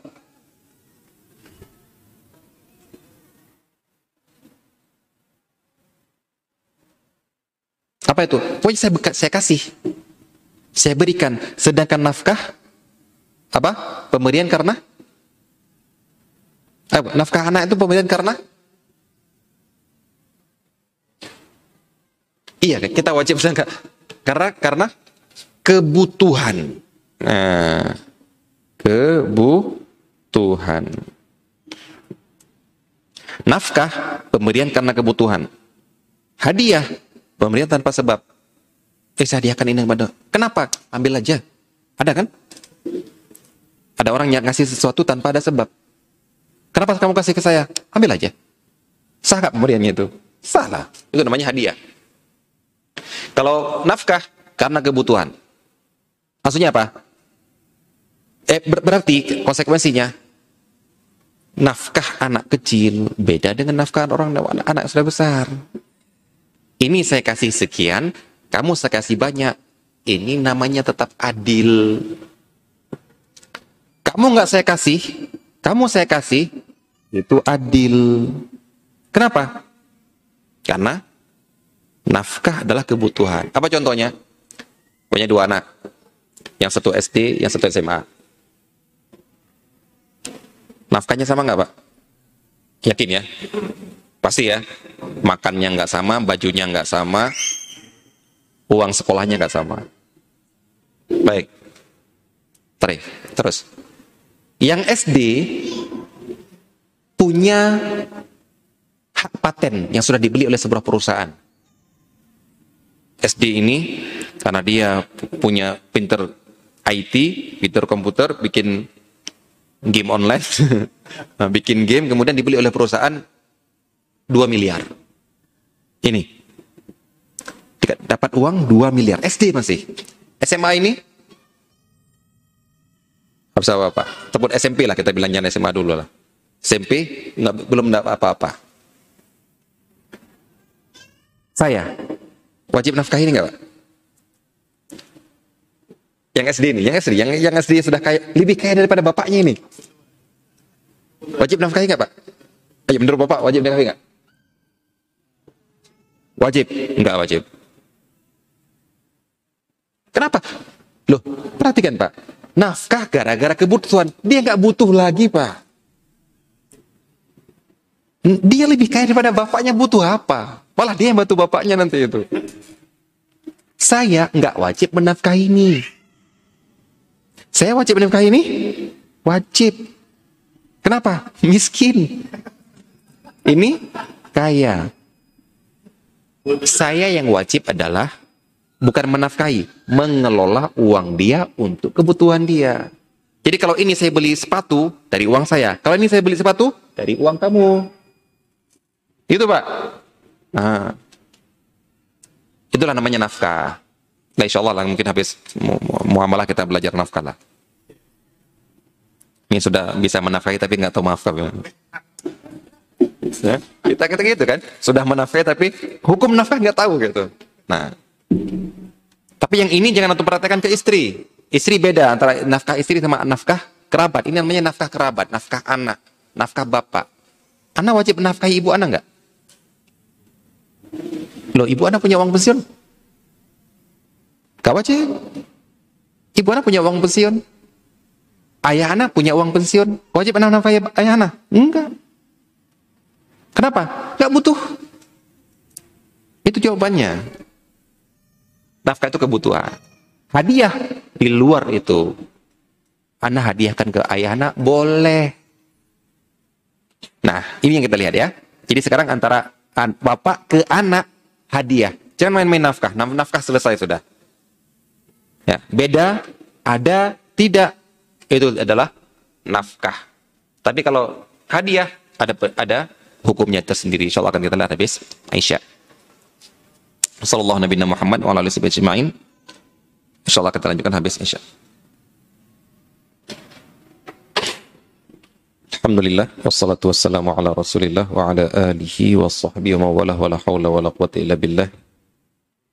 Kita lanjutkan tentang wajib berlaku adil dalam memberi hadiah kepada anak. Apa dalilnya? Dalilnya adalah sebuah hadis yang terjadi sebuah kasus di zaman sahabat di zaman Rasulullah sallallahu alaihi wasallam yaitu hadis Nu'man bin Bashir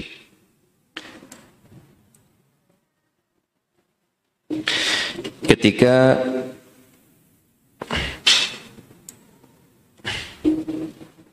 seorang sahabat Nu'man bin Bashir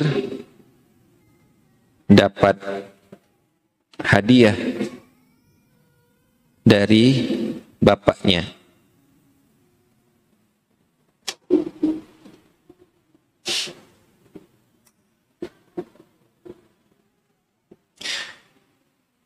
Lalu ibunya, ibunya Nu'man minta untuk dipersaksikan oleh Rasulullah Sallallahu Alaihi Wasallam.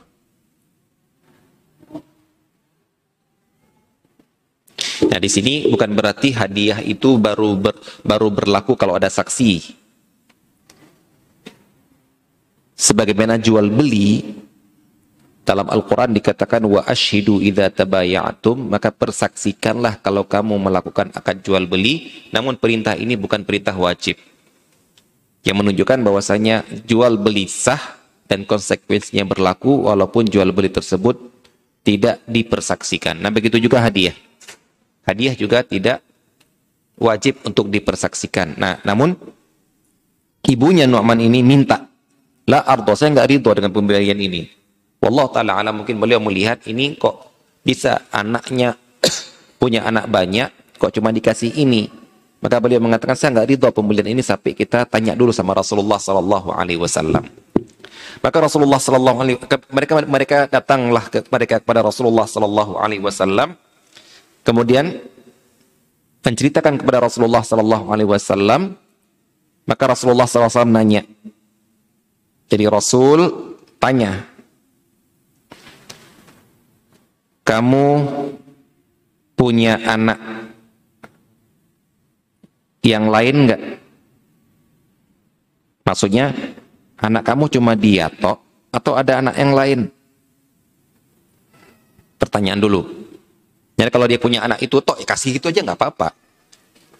Tapi ini punya anak lain nggak? Dia jawab, iya ada. Maka beliau melanjutkan bertanya,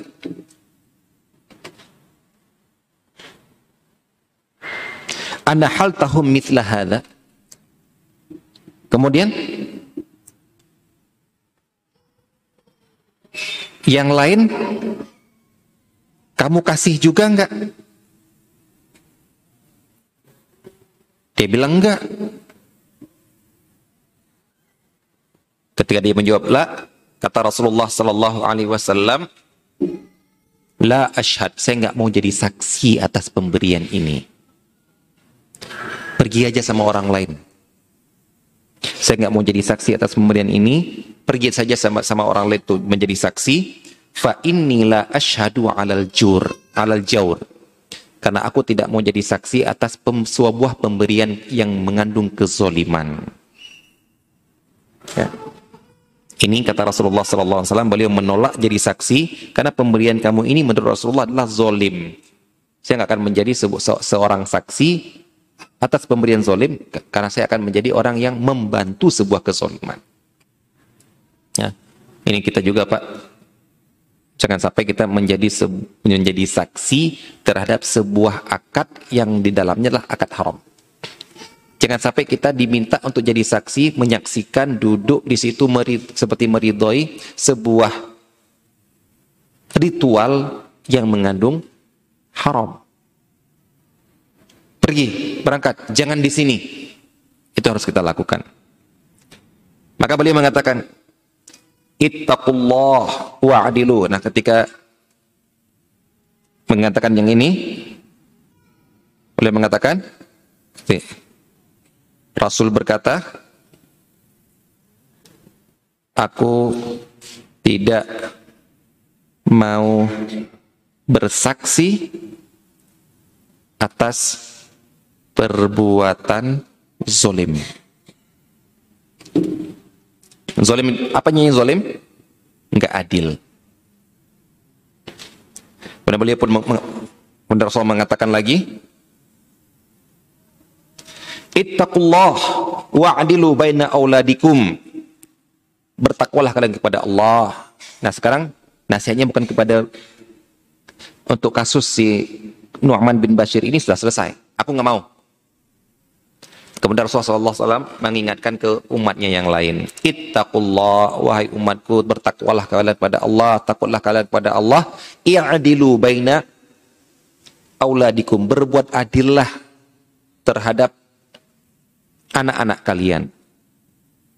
Apa katanya? Takwa kepada Allah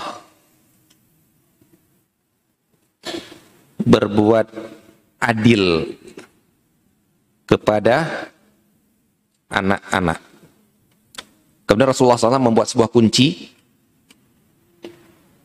yang menjadi uh, yang menjadi dorongan kita kenapa untuk berbuat adil untuk anak kepada anak yaitu memakai al jaza min jinsil amal balasan akan kita dapat sesuai dengan amalan kita Rasulullah SAW berkata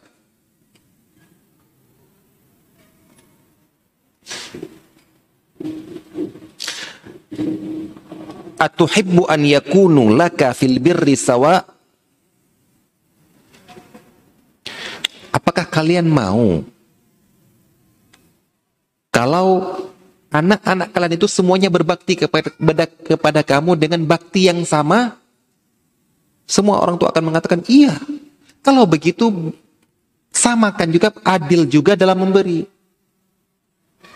Jangan kalian memberinya yang zolim, nggak kalian beri, ada yang kalian beri, ada yang tidak, ya, ada yang tidak kalian beri. Begitu berbakti kepada orang tua, kalian tuntut seluruh anak kalian, kalian untuk berbakti. Ini nggak adil ini, ini zolim ini. Kalau kamu mau mereka berbakti kepada kamu semuanya, berikan juga kepada mereka yang Berikan juga kepada mereka semuanya. Jangan yang satu kamu beri, yang satu enggak, kemudian nuntut semuanya harus berbakti. Baik. Ini uh, hadis Rasulullah SAW yang di situ menunjukkan bahwasanya Rasulullah menganggap pemberian kepada salah seorang anak tidak diberikan kepada yang lain adalah pemberian yang zolim dan menyuruh untuk berbuat adil. Nah, masalahnya adalah ini ucapan Rasulullah. Rasulullah SAW tidak mengatakan bagi kepada mereka sama rata, enggak. Yang adilu. Berbuat adillah kalian dalam pemberian kepada anak kalian. Nah, adil di sinilah kemudian yang menjadi nah, makanya anak, anak mengatakan di atas adil, berlaku adil. Nah, sekarang apa makna adil? Apa itu adil? Di sini ada dua pendapat para ulama. Ada yang mengatakan pendapatnya adalah satu banding satu untuk laki-laki dan perempuan. Ada yang mengatakan dua banding satu laki-laki dan perempuan. Karena apa? Karena untuk mengejawantahkan, menafsirkan makna perkataan Rasulullah SAW adil. Seandainya Rasulullah SAW sudah mengatakan sama rata, udah nggak usah nggak ada khilaf lagi udah.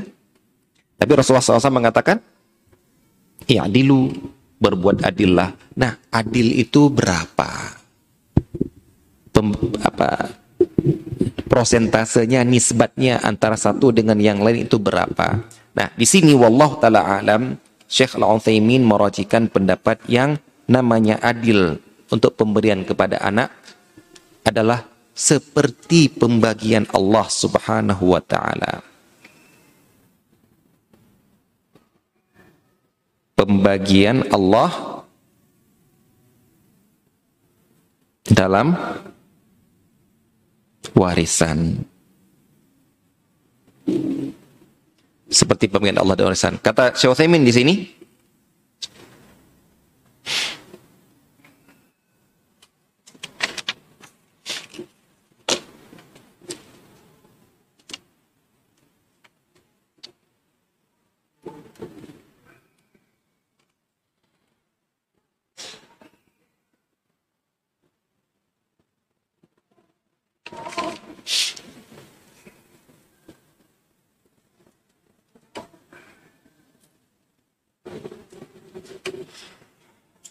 Beliau mengatakan pendapat yang kuat adalah dua banding satu karena seperti inilah pembagian Allah Subhanahu wa taala dan pembagian Allah pasti adil. Allah membagi warisan untuk anak. Yusikumullahu fi auladikum lidzakari mithlu hadzil unsayan. Kalian diwasiatkan oleh Allah kepada anak kalian, kalau kalian mati, anak kalian dapat dua banding satu laki-laki dan perempuan. Nah, berarti kalau kalian mau memberi juga, ambil pembagian Allah ini, karena tidak ada yang lebih adil daripada pemberian, pemberian Allah Subhanahu wa Ta'ala. Namun saya kata, anda katakan di sini ada khilaf, beda pendapat. Namun Syekh Utsaimin di sini merojikan pendapat dia adalah dua banding satu.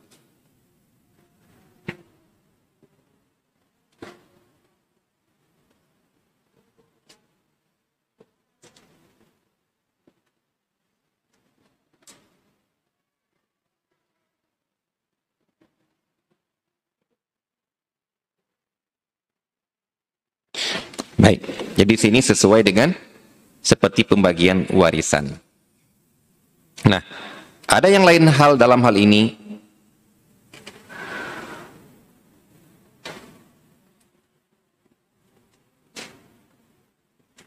Jadi permasalahan ya, ada beberapa kasus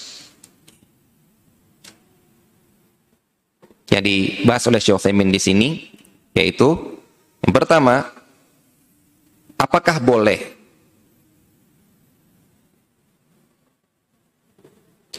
dia sudah ngasih semuanya, mau ngasih ngasih semuanya.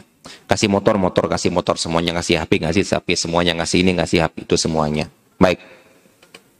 Tapi ternyata untuk pemberian sudah adil, sudah semua dikasih. Cuma ada yang dilebihkan. Nah, ini dia. Bolehkah melebihkan salah satu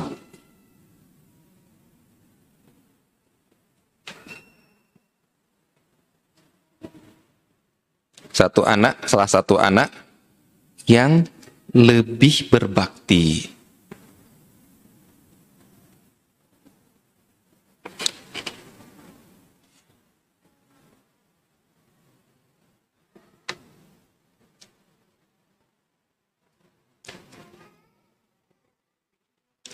Beliau tetap mengatakan, Syekh Utsaimin tetap mengatakan tidak boleh.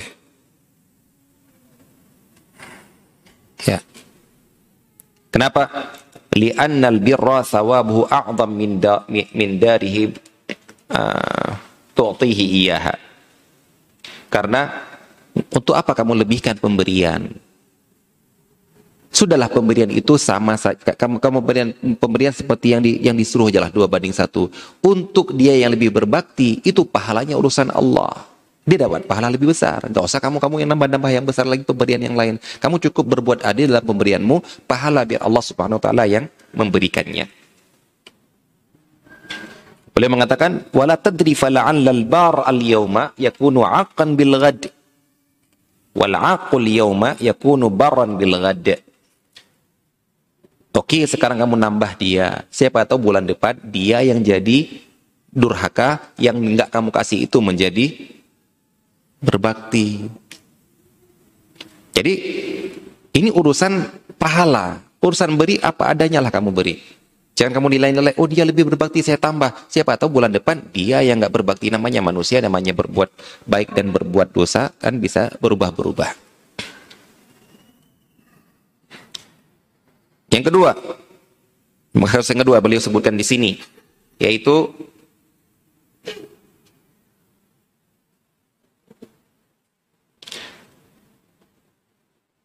Bolehkah memberi, uh, melebihkan pemberian uh, kepada anak yang ikut bekerja dengan bapaknya. Punya anak yang lain, misalnya kita misalnya kita katakan nggak ada yang dikasih, kalau yang tadi ada yang dikasih cuma dilebihkan yang lebih berbakti. Atau kita katakan nggak ada yang dikasih tapi cuma dikasih kepada yang berbakti. Kalau ini nggak ada semuanya dikasih cuma dilebihkan kepada yang kerja sama bapaknya. Atau nggak dikasih cuma dikasihkan kepada yang bekerja bersama bapaknya. Boleh mengatakan di sini contohnya anaknya ikut jualan di toko bapaknya. Anaknya ikut ke sawah, ke kebun bersama bapaknya. Sehingga bagi bapaknya ketika ada apa-apa, dia dilebihkan ngasihnya. Atau dia dikasih yang lain nggak dikasih. Bolehkah seperti itu? Beliau katakan di sini perincian. Ada rinci. Yaitu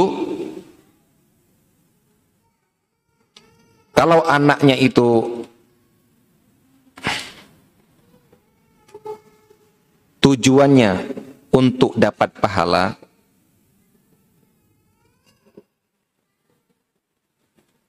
Kamu kenapa kerja situ? Untuk dapat pahala saya punya bantu bapak. Nggak ada tujuan-tujuan lain. Maka di sini tidak dikasih.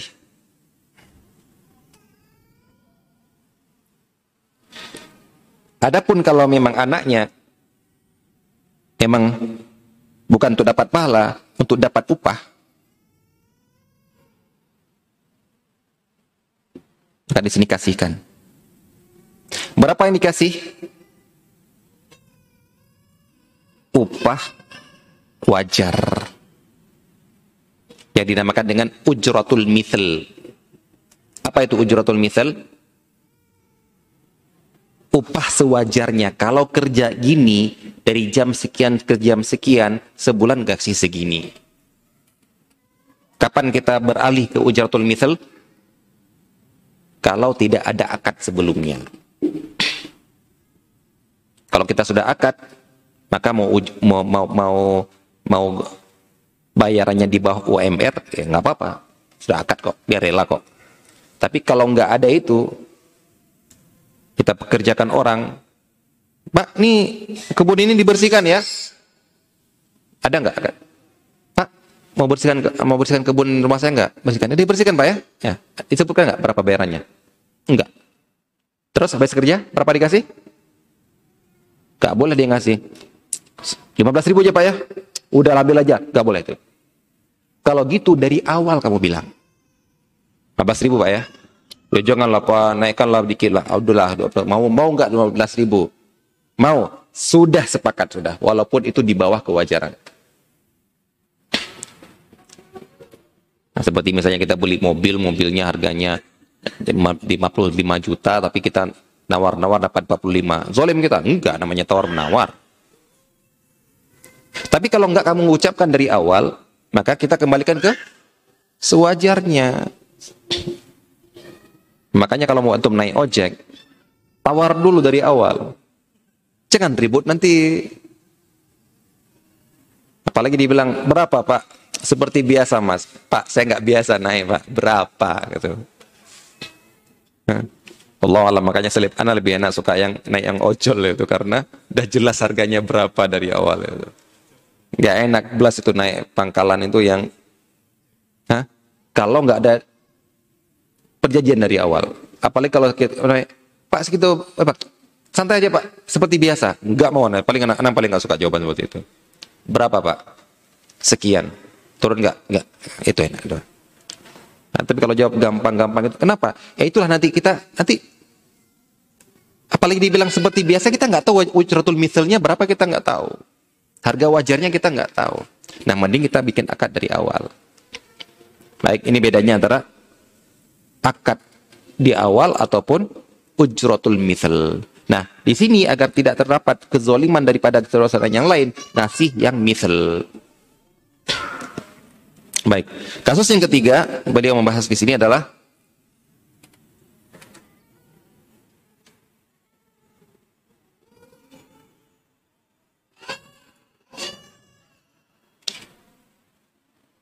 antara anak yang kafir dan muslim. Boleh nggak? Ada anak-anak dia ada yang kafir, ada yang muslim. Boleh nggak? Dia memberikan untuk anak muslim toh nggak dikasih yang kafir. Ada ulama yang mengatakan boleh. Ada ulama yang mengatakan tetap dia dia kan anak, tetap harus adil.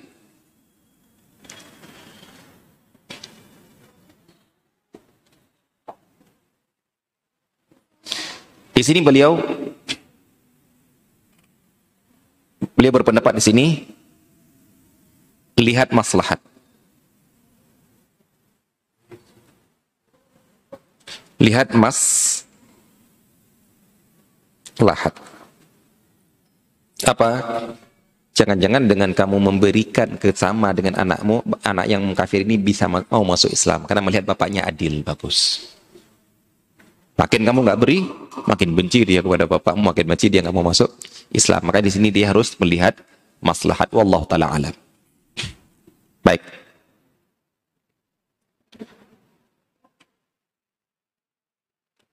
Nah, di sini disebutkan di sini wajib memberi hadiah kepada anaknya.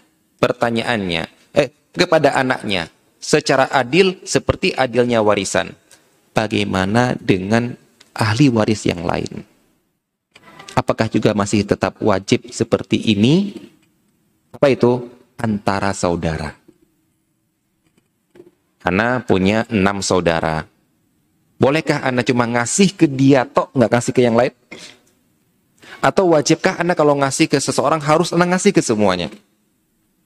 Apakah hukum tadi, hukum adil dalam memberi, tidak boleh memberi seseorang, tidak memberi yang lain, hanya berlaku untuk anak, atau apakah dia untuk ahli waris juga berlaku seperti ini? Kata Syekh di sini, hal yuqasu alaihim baqiyat baqiyatul waratha? Zahirul kalamil muallif. Fahal yajuzu an yu'tiya ah, ahadahuma dunal akhar? Apakah harus semuanya diberikan atau boleh di apa dilebihkan ataupun tidak diberikan kepada salah satunya? Beliau mengatakan penulis di sini ataupun madhab uh, hambali di sini mengatakan boleh untuk dilebihkan ataupun tidak dikasih salah satu. Berarti di sini dikatakan hukumnya hanya berlaku antara bapak ke anak. Ataupun saudara ke saudara tidak wajib untuk berlaku adil. Walaupun kemudian Syekh Utsaimin ini, ini ini masalah wajib atau tidak. Adapun kemudian Syekh Utsaimin tetap melihat kepada maslahat jangan ampun jangan namun jangan sampai kamu punya dua saudara, yang satu kami kasih, yang satu tidak, membuat yang tidak kamu kasih ini malah memutuskan tali silaturahim. Memang nggak wajib, tapi hati-hati. Berarti dengan cara apa beliau mengatakan? Maka kasihlah dengan sembunyi-sembunyi. Kalau anak dikasih sembunyi-sembunyi, nggak boleh. Kenapa? Karena wajib adil. Tapi kalau untuk saudara, boleh ngasih sembunyi-sembunyi boleh. Tapi kenapa kamu sembunyikan? Khawatir. Nah, kalau itu tahu nanti dia makin benci, benci, padahal nggak berhak benci dia. Nggak berhak benci dalam kepada sebuah perbuatan yang mubah. Tapi dia benci, dan benci ini bisa menyebabkan putus tali silaturahim. Baik.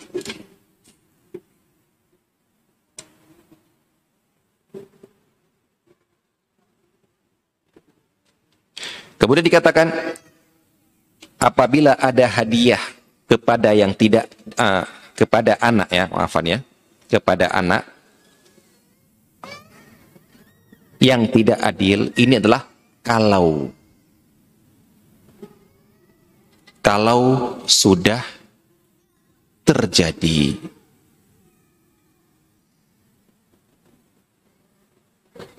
Ya itu yang kita katakan sebelumnya harusnya gini atau mau ngasih hadiah gini caranya.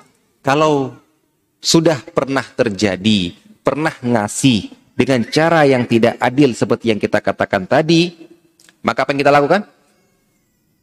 Kembalikan, minta kembali. Beliau dikatakan di sini adalah maka minta bukan ngasih tapi nggak adil.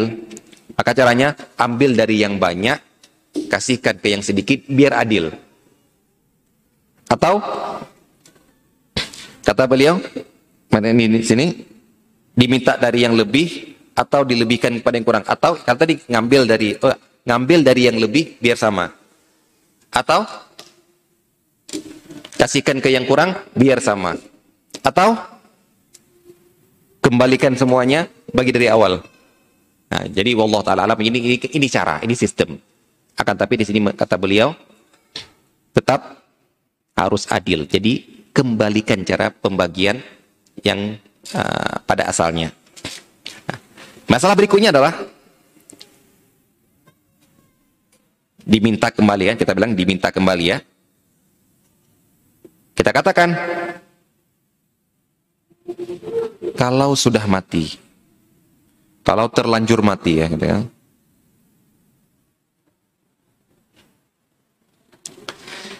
Dia pernah ngasih ke seorang anak, yang lain nggak dikasih. Kemudian tahu hukumnya. Kemudian mau minta, belum belum belum minta, duluan mati. Apakah berlaku pemberian itu nggak boleh ditarik lagi atau masih boleh itu ditarik lagi? Nah di sini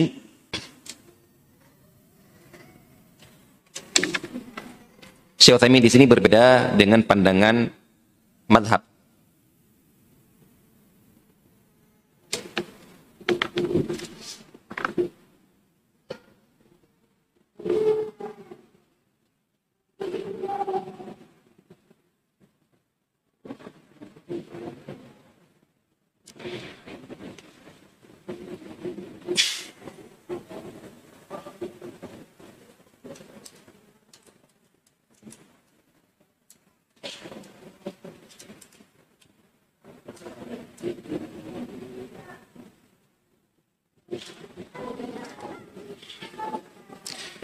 apabila dia sudah mati, sebelum dia, dia berbuat adil, maka orang yang terlanjur dikasih lebih, dia kembalikan untuk dijadikan waris.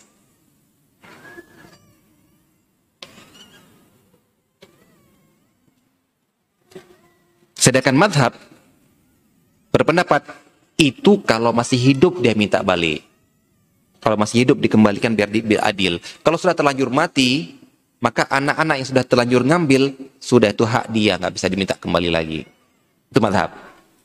Menurut Syekh Utsaimin, enggak, ini per, ini perkataan yang doif. Kenapa doif? Karena seakan-akan kita membiarkan anak ini mengambil harta yang zolim. Pemberian itu zolim kan? Zolim. Kalau masih hidup Bapak diminta kembalikan, iya. Berarti kenapa? Gara-gara zolim. Kok giliran mati kita bilang sah menjadi milik? Tetap kalau Bapak sudah mati ya kita bilang kamu tetap tetap zolim, eh, tetap mendapat harta secara zolim. Maka gimana caranya? Udah kembalikan. Kelebihan kamu jadikan waris. Atau yang kamu dapatkan yang lain nggak dapat, jadikan harta warisan. Nggak boleh cuma itu hanyalah untuk diri kamu. Baik, ini dapat kita sampaikan insya Allah. Selanjutnya, poin-poin selanjutnya tentang hibah akan kita sampaikan pada pertemuan yang akan datang. Wassalamualaikum warahmatullahi wabarakatuh.